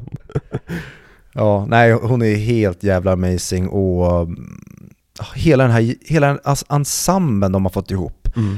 Och vi pratade om det igår, Will Poulters karaktär, att Mm. vi alla har träffat en Mark. Ja, ja, definitivt. Och att Mark är inte en filmkaraktär här. Han är en snubbe som befinner Precis. sig här. Och det tycker jag är också en del av filmens absolut största styrka. Det är ju alla känns så naturliga. Och de här samtalen känns inte krystade. Mm. Christian och Dannys bråk där när de kommer hem från festen och hon börjar prata om Sweden. Mm. Det, det, det är så naturligt. Ja, och hon, direkt när han börjar dr- dra ifrån och Mm. pusha ifrån så skyller hon allting på sig själv och tar allting på sina egna axlar. Förlåt, jag är manipulativ, jag borde inte ha gjort så här mot dig. Ja. Och så här, "Det- du har ingenting att be om ursäkt här för Danny. Det är verkligen, ja, men jag tycker också att alla känns så, som du säger, så normala och vardagliga. Mm. Och bara ta en sak, ta Danny, hon är inte överstylad i den här filmen för fem öre. Hennes ögonbryn är lite, behöver kanske noppas lite. Mm. Och hon, alltså hon har en väldigt bassminkning på sig och alltså ingen ser ut som att de är filmstjärnor riktigt. Och här har vi filmens absolut snyggaste shot enligt mig. När Danny står i en stor ruta och försöker ta kontakt med Mark som sitter i sin egna lilla ruta och inte vill möta hennes blick. Och sen så när filmen fortsätter så går hon till Mark, de pratar och sen går Mark och ställer sig där borta. Men han har ingen intention att, att försöka ta in Danny. Så Danny är inte på den platsen han var tidigare på. Alltså i spegeln. Mm. Det, är- det, det, är som att någon, det är som att han suttit och räknat ut en matematisk formel i den här scenen. Detaljporr, för Mm. att det är inte den grejen du sitter och tittar på. Alltså den här är ganska uppenbar tycker jag för att de gör det väldigt snyggt med spegeln. Mm. Att man ser honom sitta i den. Men det är många andra sådana här shots i filmen som du inte tänker på första gången när du är inne i filmen. Mm. När du ser om det så blir det som att det, det här är bara 2 timmar och 45 minuter med massa tavlor. Mm. För det är det det är, varenda shot är gorgeous och det Ja. är så detaljrikt. Du kan sitta och titta på bara men ett fotografi, ett hörn eller som du nämnde, eller vi kommer att se scenen sen när vi är i någons lägenhet när Mm. grabbarna sitter och Danny kommer och hon berättar att hon ska följa med till Sverige. Exakt. Hur saker är linjerade, om de ligger li- vertikalt eller horisontellt. Precis, ena Horisontellt. sidan är det som mycket horisontella nej, rektanglar, Mm. andra sidan där Danny står så är det, är det vad heter det, vertikala. Det, det är så jävla snyggt. Ja, och det är, hela den, film, den här filmen är fylld med sådana grejer konstant. Ja. Nej, men, och de utnyttjar också solljuset så jäkla mycket för Mm. att få fram färg i fotot. Och det är ju också en del som är så mindblowing imponerad med den här. Det är att Hereditary, den utspelar sig väldigt mycket i mörker. Mm. Men här har du en, en skräckfilm inom citationstecken, mer en psykologisk thriller Mm. eller ett psykologiskt drama, men den har verkligen skräckelement. Men att vi är så creeped out i konstant dagsljus, det är så, åter tillbaka till hans stora storkukslugn. Han bara lägger upp den på bordet och säger “This is my cock” and I can do whatever I want with it and you're just gonna have to suck it. Och vi verkligen gör det. Ja men verkligen. Nej men det är... Ja.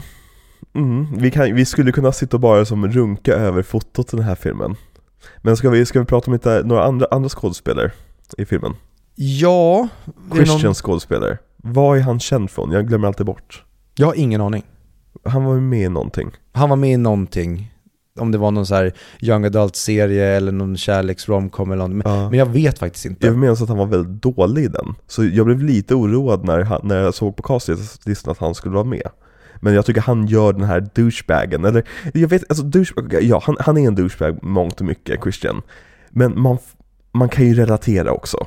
Det är, det, han, det är den bästa typen av skurk så att säga. När man känner att man har ju lite rätt också. Ja, för det är det. Mm. Att han behandlar inte Danny schysst, samtidigt Nej. som han är skitschysst mot henne som stannar kvar.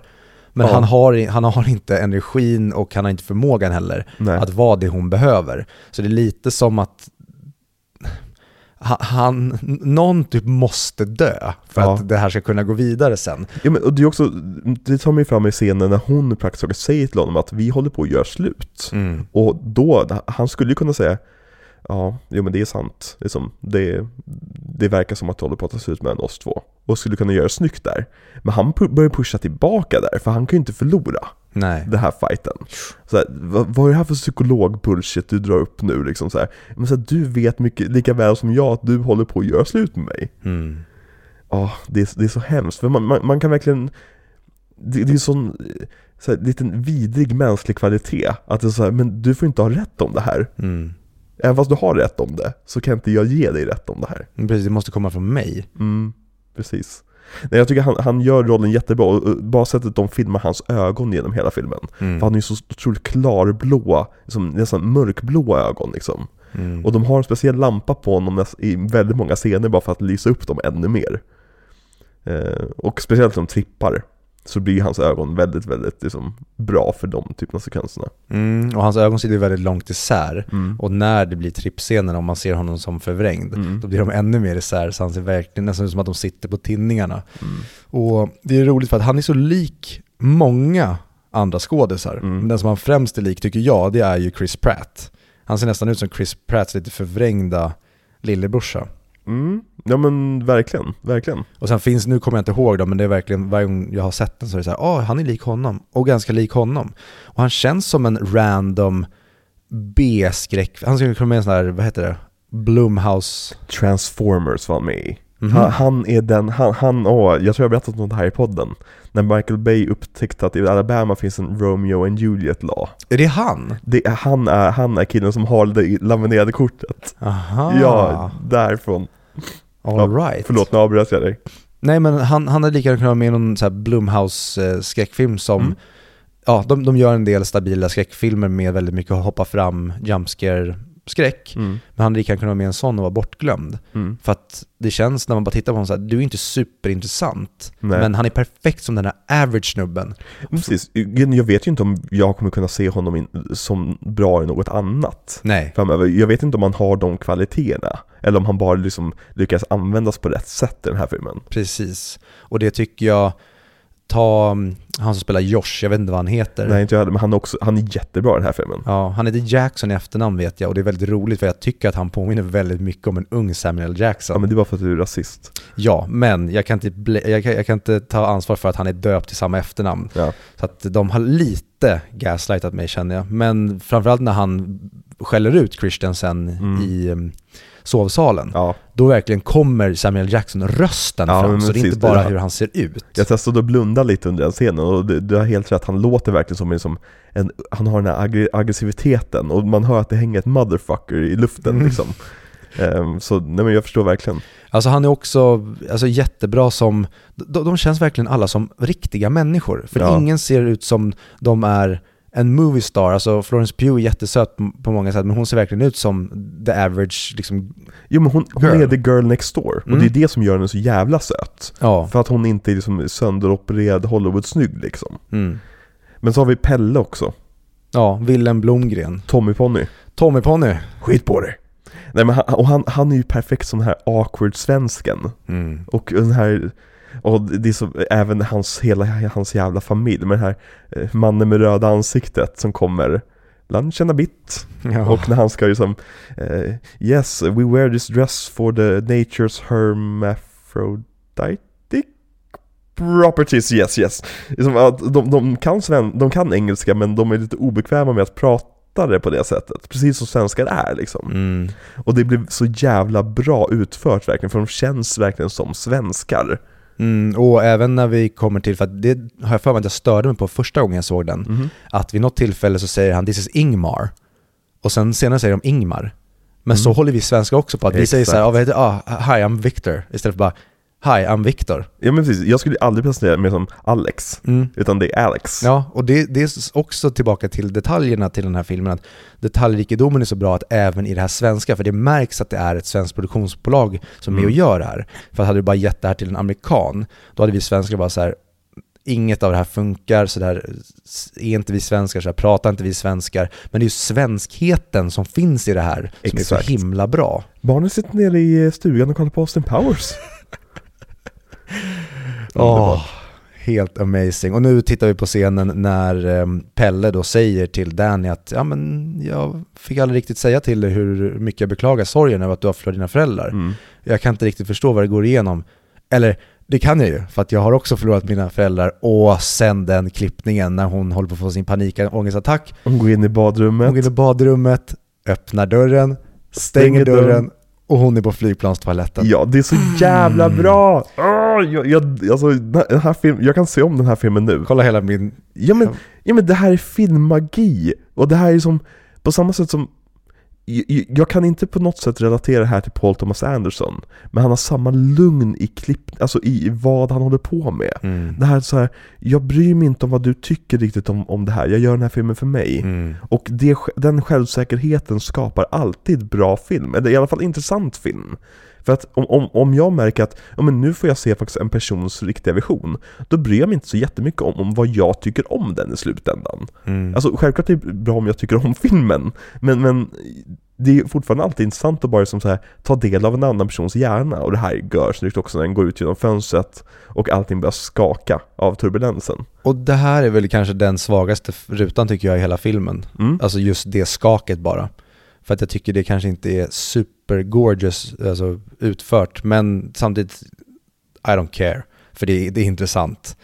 Och sen så kommer vi då till bilen när de pratar om uh, Meatball Sex Club, att, de, att Mark blir upprörd över att vi inte ska åka förbi Stockholm. Precis, och, och Mark bara sitter och snackar sig igenom hela resan och man ser hur Danny bara ruttnar. Ja, och en detalj som jag tänkte på den här gången som jag inte har uppfattat tidigare, det är när de gör alla de här klippningarna på Danny bara i bilsätet. Mm. Hur hon somnar. Mm. För att det känns som att hon, när hon har varit själv, då är hon hela tiden utmattad som en insomnia för att hon får aldrig ro och somna. Mm. Men hur är hon med de här? Hon är med ett gäng, hon är trygg och Mm. då för första gången kan hon somna. Mm. Så att hon får sin vila under bilresan. Men verkligen. Men ehm, väldigt, väldigt, väldigt bra insats tycker jag av eh, Willem Blomgren som Mm. Pelle. Han är verkligen, tillbaka till eh, Christian, ingen är god, ingen är ond. Mm. För att han är både en väldigt varm och fin person och har ju verkligen fått upp ögonen för Danny från början Oh ja. och sett vad hon är och vill hjälpa henne. Samtidigt som han är en sjuhelvetes jävla säljare för sin community. Ja, han, han är ju en gaslighter av, av råge liksom. Mm. De, de lurar ju in henne i den här kulten. Verkligen. Och, och spoiler alert, men jag antar att ni har sett filmen om, om, ja, om ni lyssnar på avsnittet. För Annars- vi brukar alltid spoila. Annars tvingar vi er, pausa nu, gå och se den, Ja, men kom tillbaka. Okej, vi kan, bara, bara så, det här är 5 av 5 film, 10 av 10, 11 av 10. Eh, har du inte sett filmen, se den. Mm, jag tror att när vi körde 100 mick, jag placerade den här typ på min så här femte, sjätte placering all Mm. time filmer för jag tycker att det här är jag förstår folk som kanske inte tycker att, eller håller med om att, men jag tycker det är en av de bästa filmerna som har gjorts. Mm. Och framförallt den blir extra imponerande när det är en så här pass ung regissör som inte har gjort så många Exakt. filmer. Och jag tror, jag är övertygad om, eller det kommer aldrig få veta i ett multiverse kanske, men hade det här varit hans femte, sjätte film och han redan varit allmänt känd, Mm. då hade den här filmen, det hade varit 11 Oscarsnomineringar. Florence Pugh hade förmodligen vunnit, Ja. fotot hade vunnit, alltså allting i den här filmen är Oscars-worthy, men den av någon anledning blev väldigt eh, förbisedd. Ja, nej men verkligen. Um, ja, och nu har vi shotet när de åker in i Hälsingland.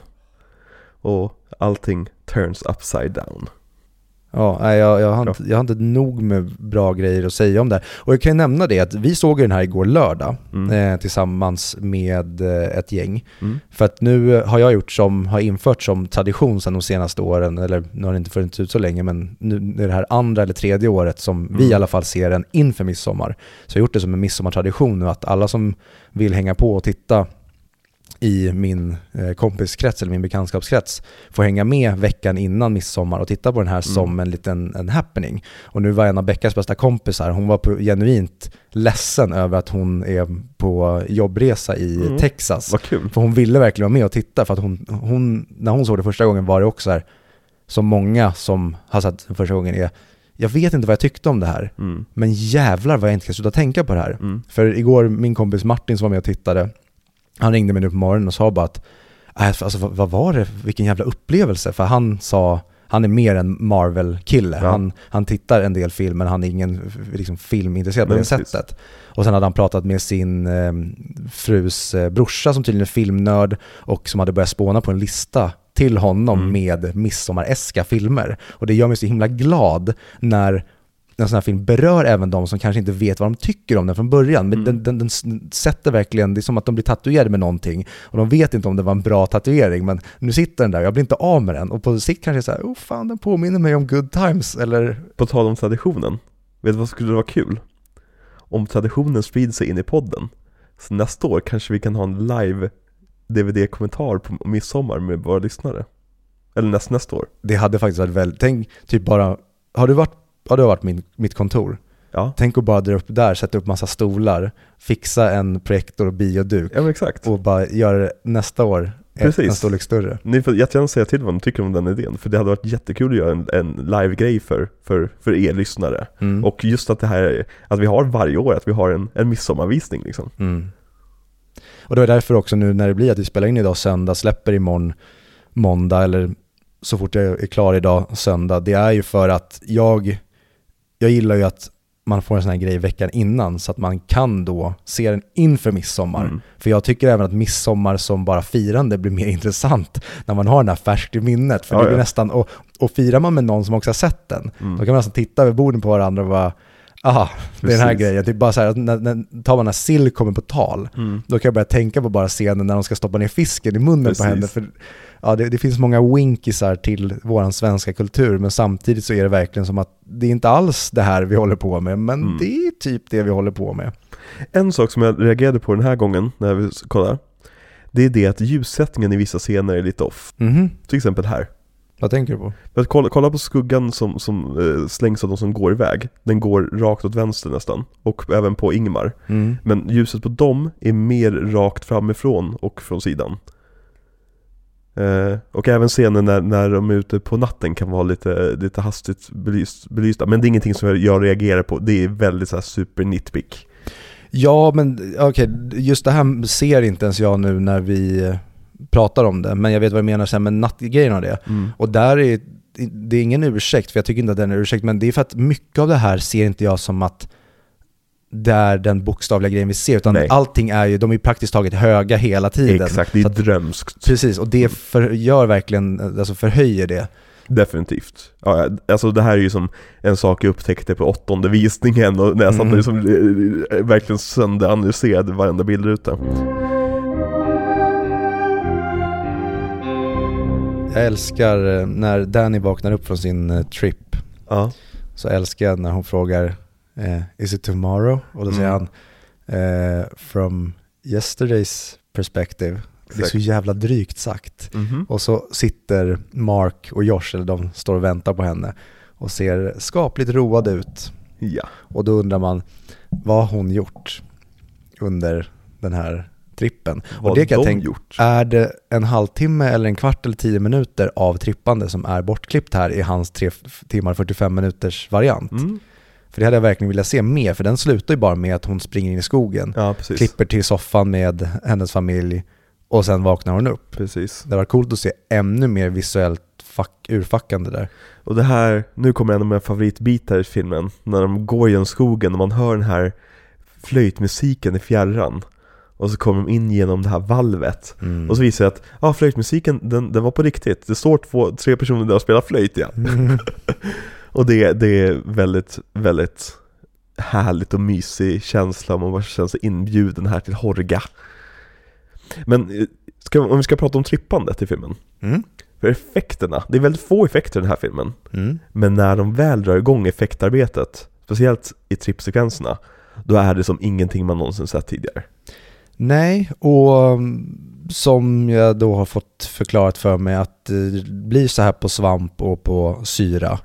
Exakt, det är också någonting jag har fått förklarat för mig att det är ungefär den här effekten som, som man ser liksom där. Mm. Varför vanligtvis i filmen när man gör tripp, eh, trippsekvenser, då är det ju väldigt överdrivet, då är det som man hamnar i en annan värld och man träffar sin, sin döde farfar som säger åt dig att du har betett dig dåligt. Liksom, det, det ska alltid vara liksom väldigt uppvridet och övernaturligt nästan. Mm. Men den här filmen är återhållsam i det att man märker hur deras sinnen förändras. Men vi får också se det de ser.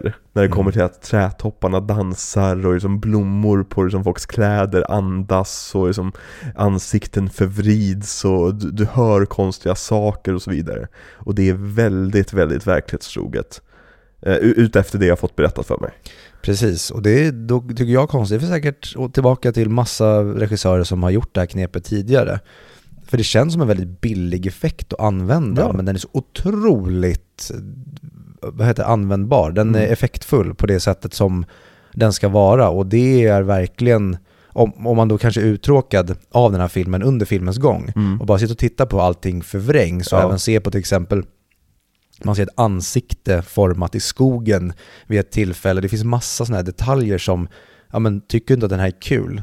Men då kan du ju titta på tapeten. Ja. För det är någonting som, när en film inte är intressant, då börjar man titta på omgivningen eller saker för att se vad det är som inte funkar. Men allt funkar i den här för att varenda shot och hela den här byn eller den här dalen som Horga, ja, där den här communityn befinner sig, Ja. allting är så äckligt jävla snyggt. Ja, nej men verkligen. Och det är som, all, allting, som vi var inne på, allting känns så liksom naturligt svennigt på något sätt. Mm. Hur de interagerar med varandra. Och även liksom när svenskan är styltig så att säga, så Mhm. känns det på, på riktigt. För att det, vi svenskar är lite styltiga i vårt språk. Vi har ett rätt propert språk som inte är an, egentligen anpassat för att prata dagligt riktigt. Mm. Alltså inte riktigt, alltså amerikanskan kan ju vara mycket mer svängig och liksom slängig och mycket mer improvisatorisk. Men svenskan kräver nästan att du har tänkt ut din mening innan du påbörjar, påbörjar säga den. Till det här med hur svenska, den svenska själen är. Att till exempel, det är ju en jättekritik som har kommit upp nu i politiska och samhällsdebatten om att så här, svenskar är rasister eller vad vi nu än är, vi är kalla, otrevliga, stela, whatever. Men det är ju vår kultur. Det är ingen som menar varken något gott eller någonting ont med det. Det är bara så vi är. Det är bara så, så vi är och det Men- får man acceptera. Ta hela den här debatten om att svenska föräldrar bjuder inte kompisarnas barn på mat. Om så här, ja, och vilka, det finns jättemånga teorier om varför det är så, men det är ju typ ett kontrakt föräldrar kommit på själva liksom. Mm. Det är ju inte så att någon har blivit påtvingad det här, och det är inte så att någon får sitta hungrig.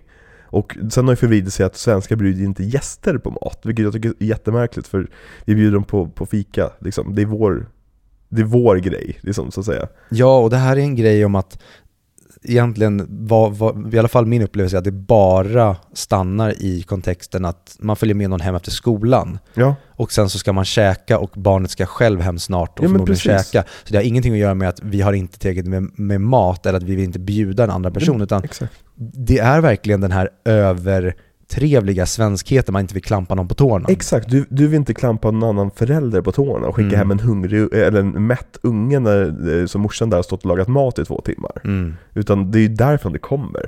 Då ska Mm. man hålla på och låtsas som att liksom, det är någon slags liksom, kulturellt arv som vi måste handskas med här. Mm. Och så här, nej, det, det tycker inte jag. Nej, och man behöver inte analysera varför det har blivit så. Det är så. Mm. Och det finns massa andra kulturella fenomen i alla kulturer som är konstiga beroende på varifrån man står. Mm. Och de, ibland går det inte att förklara, så det är bara någonting som har vuxit fram. Exakt. Och det tycker jag de verkligen får till i den här filmen med stelheten. Mm. Och hur den då kan, i flera scener så ser man hur folk står bara i några meter bort och håller på med någonting annat. Mm. Och de tittar på samtalet, Mm. men det är bara en svensk blick. Mm. Men det ser ut som att det är en svensk misstänksam blick. Mm. Nästan som att, okej, säg inget, inget dumt här nu, avslöja inte våran hemliga sekt. Men det är ju förmodligen inte det de gör. Nej. Det finns ett element av att, ja, okej, men det är klart att vi ska se hur det här alltså, unfolds. Mm. Men det är egentligen bara den, den svenska blicken. Mm. Ja men verkligen. Och om man ska prata oss igenom några stycken av de här horgaiterna då.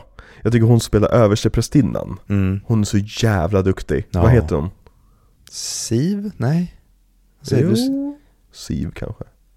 ja. Siv wants to see you in her house. Ja men precis, exakt, exakt. Visst är det Siv? Ja, nej men hon, hon är eh, briljant och har verkligen den här som pondusen av matriarken. Verkligen. Och man märker ju att det här är ett matriarkalt samhälle på många sätt och vis. Mm. Även fast det finns liksom sta- starka gubbar i, i styrelsen också så att säga. Så är det ju hon och liksom, hon bestämmer vem som parar sig med vem. Och det, jag får väldigt mycket, vad ska jag säga, um, Wickerman-känslor över hela. Har du sett den? Nej. Eh, jag snackar om remaken framförallt med Nicolas Cage huvudrollen. När han springer runt i en björndräkt och eh, slår ner eh, kvinnor eh, på slutet. Mhm. Eh, Men då är det ju som ett, ett community som är baserat på liksom, binas hierarki. Så det finns en överstedrottning så att säga, och alla män är bara drönare. Mm. Och bara går runt och gör dagligt arbete och är till för att knullas. Eh, Medan kvinnorna är de som styr. Och jag, jag känner att den här, det här communityt ger lite av samma vibe, inte, inte riktigt hela vägen fram liksom. Eh, Men sen har vi också han, den här vithåriga översteprästen som visar boken Ruby rader för Mm. Josh. Och, och sen så är med i parningsritualen med den där skynket framför ögonen. han är också så jävla bra på att spela den här som, han är, han är som är eh, givmild och han vill berätta men när man går över gränsen så säger nej, det här får du inte göra. Absolutely not. Ja men precis, exakt. Ja, Dungeon a bit. Ja, typ filmens bästa line. När kommer den? Det, det är när Simon har försvunnit va? Ja, precis. Och Conny sticker iväg. Ja, precis, springer iväg För typ. att hon blir förbannad över att så här, men det makes no fucking sense, de har inte åkt iväg utan mig. Och så Exakt. springer hon iväg och står bara Danny kvar där och så säger han, för att jag tror han heter Odd, Ja. innan han går så bara Lunch in a bit.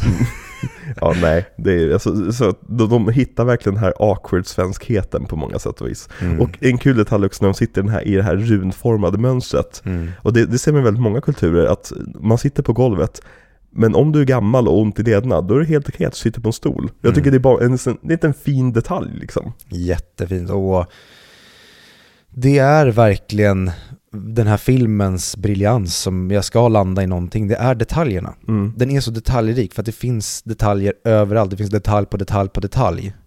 Ja men, och ta bara scenen vi kollar på just nu när gubben står och sjunger då innan de får börja äta någonting.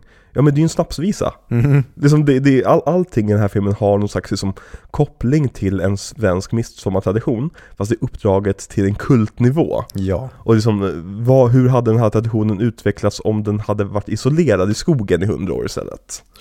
Så liksom, då, istället för sill så äter de en, en hel sill, liksom.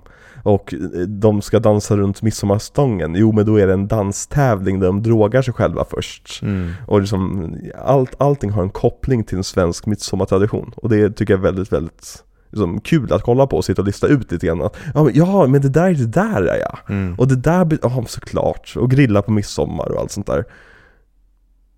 Ättestupan. Brukar inte ni ättestupa på midsommar? Jo, vi gjorde det tills alla äldre dog. Ja precis, nästa är väl din farsa? Nästa gång är det Fredrik, så först ska jag slå in pannbenet på honom så tänderna ramlar ut och sen ska han få hoppa ner från stupet. Precis, exakt. Och så ska han berätta för dig att Lou Ferrigno är världens starkaste man. Det gör han innan jag slår ut tänderna för annars hör jag inte vad han säger. Exakt. Lou Ferrigno är världens starkaste man. Precis så. Gud, jag trodde att han var här. Ja. Jag blev rädd. Viktor. Nu du min son. Nu Ta upp jag att- täckbyxorna från golvet. Precis. Låt det inte ligga och torka där, det blir fläckar. Mm. Ehm, Jo, vad fan var det jag skulle komma till? Det var någonting med firandet. Du sa vad allting... Och här Eh, jo, introduceras vi för Madou då. ja just det. Clarks kärlek, eller Clarks baby mama blev det väl, för hon födde väl barn? Ja men precis, en av många som födde barn åt honom. Mm. Eh, jo, men till då traditionerna. Mm. För det var ju någonting som var en del av våran kultur förr, när vi var hedonistiska, att man offrade människor för att man skulle ha då ett bra nästa år. Mm. Så det är också taget, sen, ja, det är väldigt långt tillbaka, men där fanns det även människor som offrade sig själva, att de äldre valde att, eller blev indoktrinerade att avsluta sina liv innan de blev Precis. för gamla för att inte bli en belastning för samhället. För att då var ju den kostnaden enorm att ha Ja. en gammal person att bara ta hand om. Det kunde ju vara döden för många, många andra. Att Exakt. man bara säger att en person får lägga arbetet på den, då Mm. kan inte den vara med och skapa värde för resten av communityn. Så att den delen finns ju verkligen med. Precis. Sen var det oftast de man offrar, det blir ju som de här ofrivilliga Mm. som kanske inte vill bli offrade utan vi anser att ni, okej vi måste offra några men bättre ni än oss. Mm. Ja, Men jag tycker verkligen intressant här med att de, de försöker hitta en slags rättvis balans. I det att de har ofrivilliga offer, men de har också frivilliga offer. Mm. Och de är som, visst, nu har de två frivilliga samt två som ändå skulle dö. Och de, fuskar ju sig igenom det kan man säga lite grann som. Men jag tycker det är ändå kul att de, de, de, tänk, de har listat ut det själva under, under århundraden att det är så här vi måste göra det för att annars är det inte moraliskt rätt. Mm. Ehm, och jag tycker också det är väldigt intressant det här att de, man skulle lätt kunna gjort det här till att de är asatroende. Mm. Men de här är ju kristna. Ja. För de, de ger ju referenser till väldigt många kristna saker. Och de har den här som mixen mellan kristendom och det här hedonistiska just asatroendet och med runorna och allt sånt där. Mm. Det är väldigt spännande liksom. Alltså jag skulle vilja vara Josh. Ja, Och springa verkligen. runt och liksom fråga dem massa frågor. Mm. Gör en avhandling på det här. Ja, det hade varit en väldigt rolig grej att få se. Tänk om de bara hade gjort att han hade typ en digital kamera och så Mm. finns det en sidogrej som bara finns på DVDn, där det är hans dokumentär, där han går runt och intervjuar alla de här som finns bara som en rolig behind the scenes-grej. Det blir nästan som The Office, fast i Horga, där Josh footage som vi aldrig fick se finns, där vi får Mm. veta lite mer bakgrund till allting. Och det kanske kan vara ännu mer bakgrundsgrejer som sker i det som vi inte ser vid första anblick bara. Det är synd, det är sånt som borde vara med på Blu-rayn. Mm. I alla fall när jag betalar 800 spänn för den. Det är jag lite besviken på. Designen på, jag har ju köpt så här Ultimate Collector's Edition Director's Cut Som för övrigt är gör-snygg, Ja. kommer typ en bok med massa concept art och grejer Men en sak som jag är lite besviken på den, det är det att när man stoppar i Blu-rayn då är det play som finns Det finns liksom inga special features alls Mm. Och du har väl köpt den på typ Amazon eller något va? Nej, en A24 samsida Är det? Ja, det är deras officiella utgåva Ja men fan vad risigt av dem. Ja men eller hur? Men ja, jag vet inte. Jag tror inte jag hade kollat på det i alla fall, men det känns lite fattigt. Ja, för det var ju också problem tycker jag nu när vi kollade igår. Det var att alternativen som fanns, Mm. det var text och då är det även för um, Hörselskador. Precis, att den berättar allting som sker. Eller så är det ingen text alls utan då är det bara det som är inbränt i själva filmen. Mm. Och sånt kan jag verkligen störa mig på även när vad det än är att kan jag bara få text där det är bara det som sägs som finns. Ja. Ingenting annat och det alternativet måste finnas med. Men det är så jävla störande på många Blu-ray-filmer att där har du svenska Mm. eller engelska med hearing impaired. Och det värsta är att hearing impair texten på den här, den spoilar Hear- saker. Hearing, hear, Hearing. hearing jag, hearing. jag med. Eh, texten spoilar ju saker. Ja. Man hör, en, i, i en scen finns det en scen när, när Conny då skriker när hon blir mördad. Mm. Och man, i, i filmen då hör man ju bara ett skrik, så här, vad fan var det där för något? Och så kan man gå vidare. Men i texten står det Conny screams. Ja, och, Och så- det är också ett jätteproblem för att hade det bara varit eh, shouting, scream, ja, ja. eller att det är loud noise. Ja precis, are we just gonna ignore the bear? Ja, jag älskar det. Mm. It's a bear. Ja, jättebra.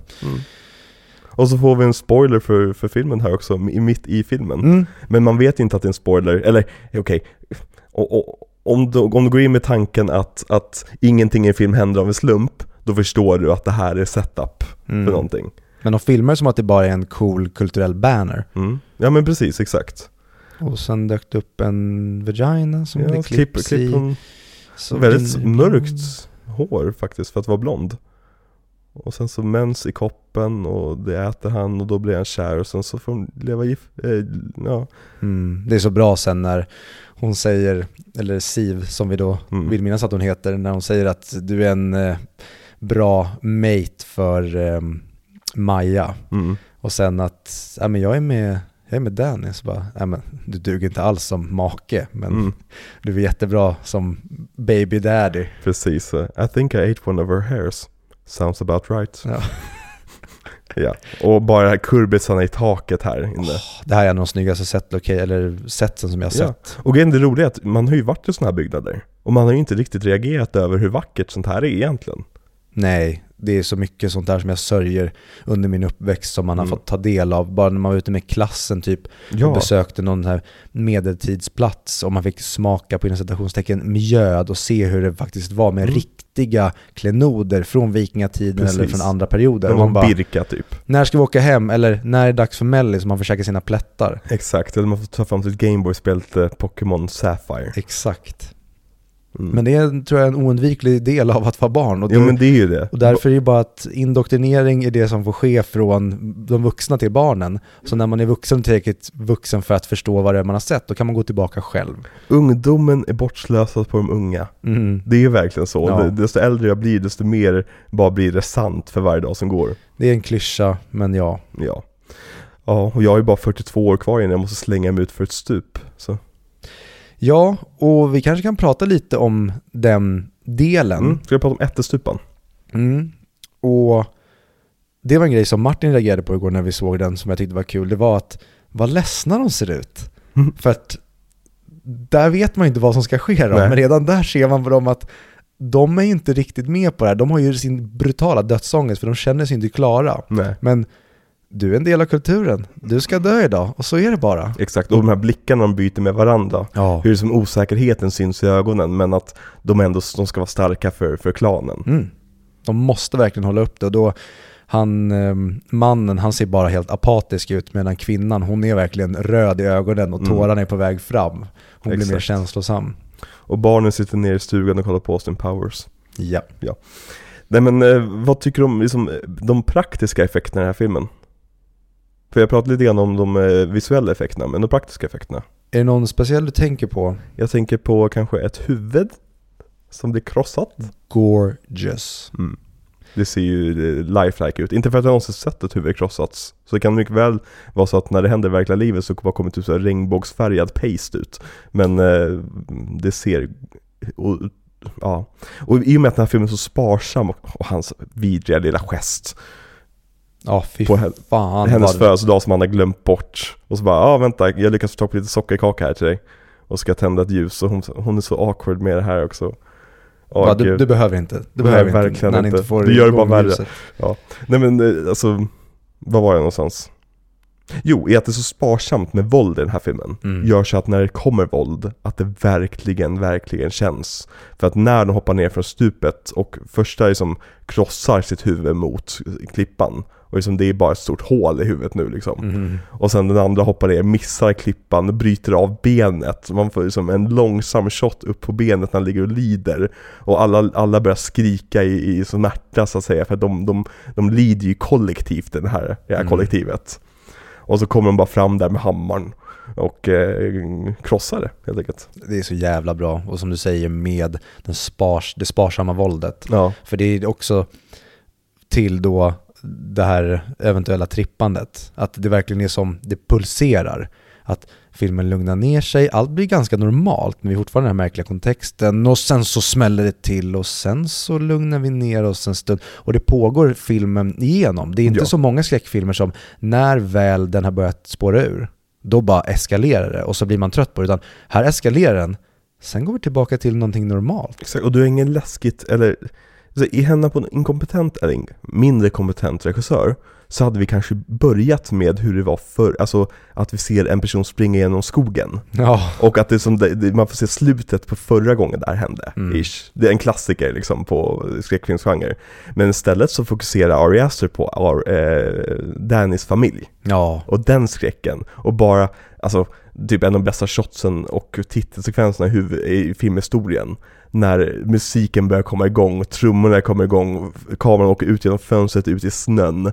Och så bara jättemycket snö över hela skärmen med de här trummorna och liksom, eh, fiolen. Och så kommer bara midsommar fram i rätt liksom, diskret och, och eh, liksom, tunn typ, typsnitt liksom. Mm. Och det känns verkligen som att, okej, jag är i händerna på en mästerregissör här. För det var verkligen känslan jag fick när jag såg den på bio. Att, oh, jag kommer tycka om den här filmen. Mm. Ja, en, av de, en av de bästa inledningarna på en film någonsin. Ja. Ja. jag tycker att det är de bästa filmerna som har gjorts, så det är Ja. klart jag tycker det. Men bara hur det, hur allting krokar fast i varandra. Hur hon har ångest och är orolig, hon pratar med honom Mm. och när de, samtalet är klart då hoppar vi över till han och hans polare i baren. De pratar om att dumpa henne och sen ringer hon igen och säger men fan driver du eller? Och sen så går han ut, eller han tar upp telefonen och hör bara No, no, no, no, no och därifrån Mm. hur hans, det klipps till att han sitter och bara med mössan och jackan på håller henne i famnen medan hon bara det är som att en, en handduk som man kramar ur, man bara, alltså den smärtan och sen glider kameran genom rummet ut genom fönstret och så kommer snön där Ja. och vi är hemma. ja men, och det är som, och, och också en snygg detalj hur han tar sats innan han går upp för trappan utanför henne. Mm. Att han stannar till där en, en sekund liksom och andas och sen går in liksom. Och bara det att den börjar på liksom bilder på svensk skog mitt i vintern. Men den handlar om midsommar. Eh, Det ger en skön dissonans det första som händer i filmen. Mm. Jag har lite bra midsommartraditioner, plocka bl- blommor baklänges och så vidare. Mm. Och vi, vi har inte ens pratat om det som jag tycker är där det mest hårresande, en av de bästa skräckscenerna i skräckfilmshistorien. Aha. Det är ju när vi får se brandmännen hitta Dannys familj. Ja. Och vi förstår att hennes oro har varit, hon har varit accurate den här gången. Att han har, Exakt. nej men hon gör så här jämt. Hon, hon får dig precis där, du, där hon vill ha dig och hur kameran bara åker och den här gnisslande jävla fiolen eller vad det är, Mm. som är så högljudd i ens öron och så det blinkar av sirenerna och samtidigt alla rum är rökfyllda. Precis. Och så kommer vi in till där föräldrarna ligger, för vi har redan fått se dem ligga och sova. Precis, och vad vi tror ligger och så. Precis, för att då, då, då tänker man ju, eller jag vet inte om jag tänkte det första gången, men nu när man ser den så här, gud vad de sover dåligt filmmässigt. Mm. Man ligger ju inte sådär perfekt och sover. Och sen förstår vi varför de låg som de låg och sen in till den mest brutala inåkningen Ja. när syrran har slangen i fasttejpad i ansiktet, hon har spytt ner sig själv. Exakt, så det är så tejpen har lossnat på undersidan så att hon har liksom kräkts ner i sin bröstkorg. Så ja, nej, det, det är fantastiskt utfört. Och så in på datorn och så är det Danny. Fyra Ja. missade, missade meddelanden. Mm. Ja, jo, det är väl, vad ska man säga, varje syskons mardröm Mhm. egentligen. Ja, och sen så därifrån så förstår man allt som hon egentligen utsätter de andra för då som hon har hon har blivit in, in, att bli inbjuden med armbågen ain't got nothing on inbjudan som hon får Mm. till den här Sverigeresan. Så att när man tycker att hon hela tiden är en busskiller filmen igenom Mm. så förstår man henne hela tiden. Ja men verkligen. Det, det, det är det de gör så jävla bra med henne för att återigen, i henne på en lite sämre, sämre regissör, lite sämre skådespelare, lite sämre manusfattare Då hade Danny kunnat bli jätteirriterande Mhm. Och, och det, det skulle kunna sabotera hela filmen för vi måste tycka synd om Danny hela tiden Mm. Det är liksom, det är grundtesen med filmen Det är synd om Danny liksom, och, hon måste hitta en familj Mm. Och om hade vi så irriterat oss på henne och tyckt att hon var orimlig om saker och ting Då hade ju inte funkat fem Nej, inte alls. Och till då hennes ark i den här filmen. Att Mm. hon går igenom det här, Pelle förstår henne och sen så ger, ja om nu Pelle är för communities bästa, för sin egen kåta penis bästa, eller för Dannys bästa, eller vems bästa nu han har, eller allas bästa in interest förutom eh, amerikanska grabbarna, Mhm. så blir det en sån otroligt fin terapisession hela det här besöket för Ja. henne. Att hon lär sig till slut klä av sig det här skalet av den här sorgliga historien som hon kommer ifrån och kunna återfödas i den här nya communityn. Så, som hon och hennes kompis pratade om i början, hon har äntligen hittat rätt kille Det är bara det att den killen var en kult Ja. Hon, hon vågar klä av sig och stå naken med alla sina känslor framför dem Mm.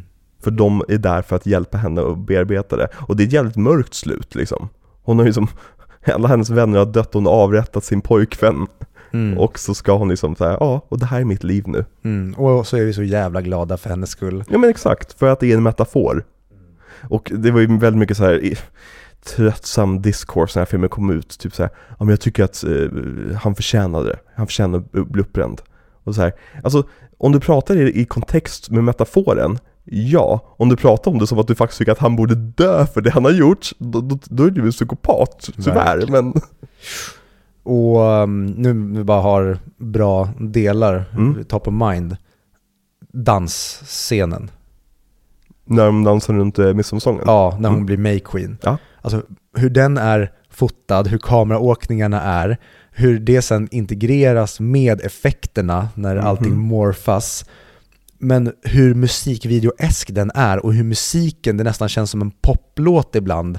Det är disorienterande verkligen Ja, den är helt fantastisk hela den delen och hur de klipper, de startar danstävlingen mm. och sen klipper de ut därifrån. Och sen har vi glömt bort den. Mm. För att vi, det händer så mycket andra sjuka grejer och sen BAM! Rakt in i det igen och så är vi Precis. inne i dansandet. Och så är det Christian och mår skit Ja, också så underbar del hur de bara jo, jo, men drick det här, det, det, det är bra för dig, det öppnar upp dig. Och Exakt han bara knuffas långsamt hela tiden in i att vara med i den här... In i Maja Precis, bokstavligt talat in i Maja Ja, bokstavligen också ja. och hur till slut då är det verkligen att det står bokstavligt talat en kvinna med händerna på hans skinkor och trycker honom in i Maja. Mm. Och sen så fort de är klara med honom, Så får han skammen. ja, och de bara skiter fullständigt i honom. Ja, och han ska han- springa iväg naken för att det handlar om Maja. Precis, exakt. Ja men det är verkligen, och det, hela den scenen när han har legat med Maja är som perfekt, återigen, film under filmen ögonblick, i att tolka liksom om manlig, skammen över manlig sexualitet. Mm. Att han har legat med någon han inte borde legat med, en alldeles för ung tjej. Han gjorde det för att han var kåt och blev pressad in, in, in i det, han kunde såklart sagt nej när som helst och liksom gjort rätt för sig. Men han valde att liksom konsumeras av sina djuriska behov. Mm. Eh, och så fort han är färdig så är han naken och rädd och ensam och han springer ut från, från det här stället han ha, gjorde den här hemska akten och vet inte var han ska någonstans. Han vänder sig mot där hans flickvän är, men hon är ju i det kvinnliga rummet och där är han, inte han välkommen längre. Nej. Så han är helt naken och ensam, springer iväg och, och försöker hitta sin egen lilla vrå att gömma sig i. Och det är verkligen, det, det är som perfekt metafor för, eh, jag har sagt, manlig sexskam. Liksom. Mm. Jag, jag älskar det, det är perfekt. Helt jävla perfekt. Och då mm, kan vi kroka arm med den scenen när hon då tittar in genom nyckelhålet mm. och ser honom och hur hon spyr. Ja. Och sen kommer de här kvinnorna och bär henne in Exakt. och sen gråtskriker ur de här demonerna ur henne. Ja, systerskapet. Mm. Där, som... där snackar vi systerskap. Ja men precis, Nej, men det, det är ju verkligen så, den här filmen har så, alltså vi skulle kunna prata så här om varje jävla sak som händer i filmen. Mm. Att allting är, okej, okay, låta väldigt klyschigt, allting är så jävla djupt. Nej, men, men, men det är ju det liksom. Det är som, allting går att tolka jättelångt i den här filmen tycker jag. Mm. Bara och, det att det ser ut som Gorgonzola, det är... Nej, jag vet inte. Gorgonzola-klipporna. Ja, precis. Det ser helt gott ut. Och vi måste ju, eh, när Disappointment Boulevard kommer så kanske vi på något sätt kanske kan köra någon Ari Aster mini-special för att då man skulle, eller om vi gör det till hans nästa film, så att han har ändå den, tre filmer ute, den fjärde på väg. Och det är det jag vi, tänker. Och då kan man ju typ göra ett alltså ytterligare ett avsnitt om bara midsommar. Precis, men det, det, det, det jag känner att vi behöver inte gå allt för djupt på det här för vi kommer antagligen prata om midsommar hundra gånger till. Och mm. vi kommer ju, jag sagt, jag vill göra en Ari Aster miniserie i framtiden. När mm. det finns lite mer kött på benen. Mm. Jag tycker också vi kan återkomma till Ari Aster när han släpper nya filmer. Absolut, för det är ju en av våra darlings. Och samma sak med eh, Robert Egger som för övrigt, det är kul för att flera av producenterna till Ari Asters filmer är samma producenter som till Robert Eggers filmer. Det förvånar mig inte. Så nu har jag glömt bort namnen, men det är en, jag tror det är Lars Knudsen som jag tror är med och producerar både Hereditary, The Witch och Midsommar och även The Northman. Mm. Så det är flera av dem som är med och, för att Robert Eggers Ari Aster, det, det är någon tredje som jag aldrig kommer på, jag ska återkomma till den, mm. som också är en modern filmskapare som är precis i samma stil som de skulle jag säga, som nästan blir som en treenighet, mm. som är de som jag tycker typ är de mest intressanta just nu. Men Faktiskt. Robert Eggers Ari Aster är verkligen, jag är så glad att det, det som för andra kanske var andra som någon som kanske var i någon speciell ålder när andra nu superetablerade regissörer kom fram, som växte upp eller startade tidigt med någons filmografi. Att mm. vi är så i Robert Eggers och Ari Asters karriär, att så pass tidigt som det ändå är så får man följa med dem nu och så kommer de följa med för de kommer att göra film under hela ens liv i princip. Men det är så skönt att de två har fått någon slags liksom carte blanche. Mm.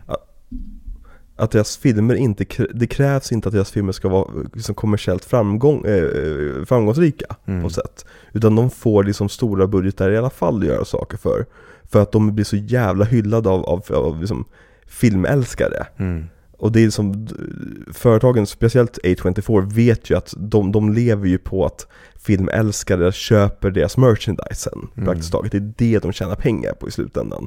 Så såklart är det jättekul om filmen går plus också. Men de har ju filmälskarna i ett litet liksom wrapped around their finger, så att säga. Mm. Och det är det jag älskar med den moderna filmvärlden som har många, många problem enligt mig men att det finns sådana här guldägg och tillbaka till både Dune och The Batman som mm. för mig är den gamla skolans blockbuster. Jag, jag vill ha mer sånt här mm. som är pure filmmaking för min skull som Paul Thomas Anderson eller nu Ari Aster och även att folk gör som Denis Villeneuve som är blockbuster-kungen tillsammans med Christopher Nolan just nu kanske, att det är de här som gör filmer för sig och de, de kommer från filmälskande snarare än att det ska vara sälja leksaker här och nu. Mm. Ja. Vad, vad, vad mer ska vi Jag tänker vi kan ju börja röra oss mot avslutet här. Mm. Har, har du någonting mer du vill, eh, känna att du vill ta upp som brinner inom dig? Ja, eller jag var länge en björndräkt i mitt liv för jag var alltid så himla varm och svettig. Men Är nu du tror jag i en björndräkt? björndräkten. Det kanske var att jag brann upp och nu är jag naken skelett och bara fryser jämt. Jag vet inte. Jag älskar detaljen dock när, när de frivilliga brinner upp. Mhm. Att, de, att de faktiskt känner smärta, även fast de blivit tillsagda att de kommer inte känna smärta. Och det resten av kulten gör är att de skriker med dem. Mm. Ja, det är jättebra att man ser nästan, prayers. man ser ångesten i deras ögon att det var kanske inte så jävla värt det. Mm. Tror vi på det när vi väl brinner? Nej, vi gör nog inte det ändå. Nej. Nu brinner vi bara upp och helvete vad den här charaden var kul till en viss grad. Ja.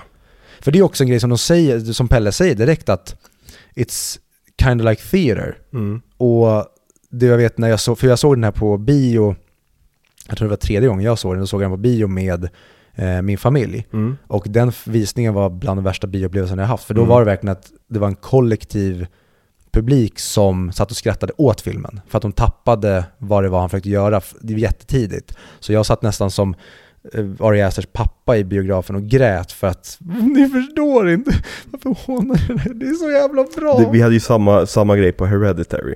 När vi Ja. såg det på den här gratisvisningen som var helt bedrövlig. Mm. Men Eh, eh, vad sätter du för betyg på den här?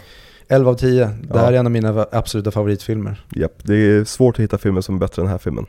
Ehm, helt klart. 11 av 10 sätter jag också. Det här är, den är på det legend, legendariska som S-tier. Mm. kommer till, till som, den, den är över betygsskalan. Det, Mm. det, den här filmen är en film som filmen jämförs mot. Så att säga. Mm. Och här har vi den vackraste pojken i världen. Mm, och hans stukade fot, Ja, eller precis, ben, Exakt. som de nu ska It's fixa. only a flesh wound. Ja. Och filmens MVP, det har vi redan kommit fram till misstänker jag. ja, Det är Florence Pugh. Ut, är du taggad på att se vad Ari Aster gör framöver? Ja, helvete vad jag är taggad på Disappointment Boulevard. Ja, v- vilka ska vara med i den då? Det var inte så jättestora namn förutom eh, Joakim Poenix. Mhm. De Nice. andra var ganska low key, många som man känner igen, men det är mest, inte indie-ansikten, men det är Mm. inga sån här, det är ingen A-list-lista helt enkelt och det mm, är jag väldigt glad för. Men det ska bli väldigt, väldigt kul att se de två göra den här kommande filmen tillsammans nu när man är så himla förälskad i Ari Asters stil. Definitivt. 100%. Mm. Ehm, och med det sagt, då vill vi tyck, tycka, vi vill tacka alla våra fina kultmedlemmar som eh, eh, lyssnar på den här podcasten. Goda tro Goda tro. Åh, alltså alla de här små delarna. Nej men tack så mycket våra, våra små kultisar för att ni lyssnar på den här podcasten och för att ni likar och ni delar och ni följer oss på sociala medier. Det ger väldigt, väldigt mycket i, i slutändan. Om inte annat för våra otroligt uppblåsta egon. Mm. Eh, Så fortsätt gärna med det. Och också tack till våra patrons i vanlig ordning. Eh, Och speciellt tack till alla 100 kronors patrons som är galna i huvudet och som ser till att vi kommer åka till London i höst. Ja. Jajamensan, det kommer bli skoj det.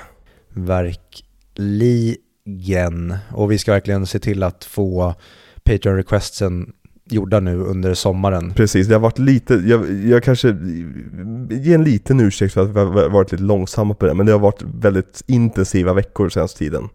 Eh, så vi har inte riktigt haft, haft tiden att kunna göra det, men det kommer i sommar, det kan vi lova er. Jajamän. Ja. Ehm, Och det vill vi bara önska alla ni som lyssnar en underbar midsommar. Vi hoppas att ni tycker lika mycket, eller inte kanske lika mycket, men vi hoppas att ni också tycker i alla fall att midsommar är en intressant film att se. Mm. Och framförallt en väldigt intressant film att se inför midsommar. Ja men exakt, och, liksom, eh, och, och även om ni kanske inte tycker om den så, eh, jag tror inte, om ni, film, om ni älskar film, så den här filmen är så, ni kommer ju, ni kommer ju vara intresserade.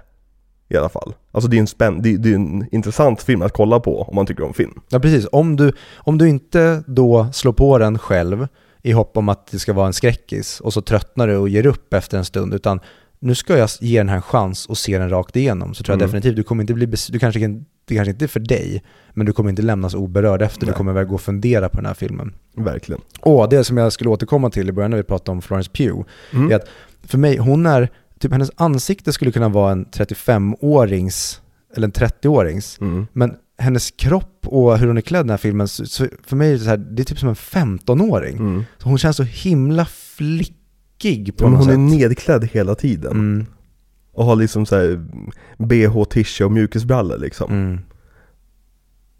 Och hon är så bra på att spela Ja, panikattackerna. det är helt Ja. stört. Men eh, då finns det inte så jättemycket kvar än att säga lunch in a bit. Lunch in a bit. Hej. Hej.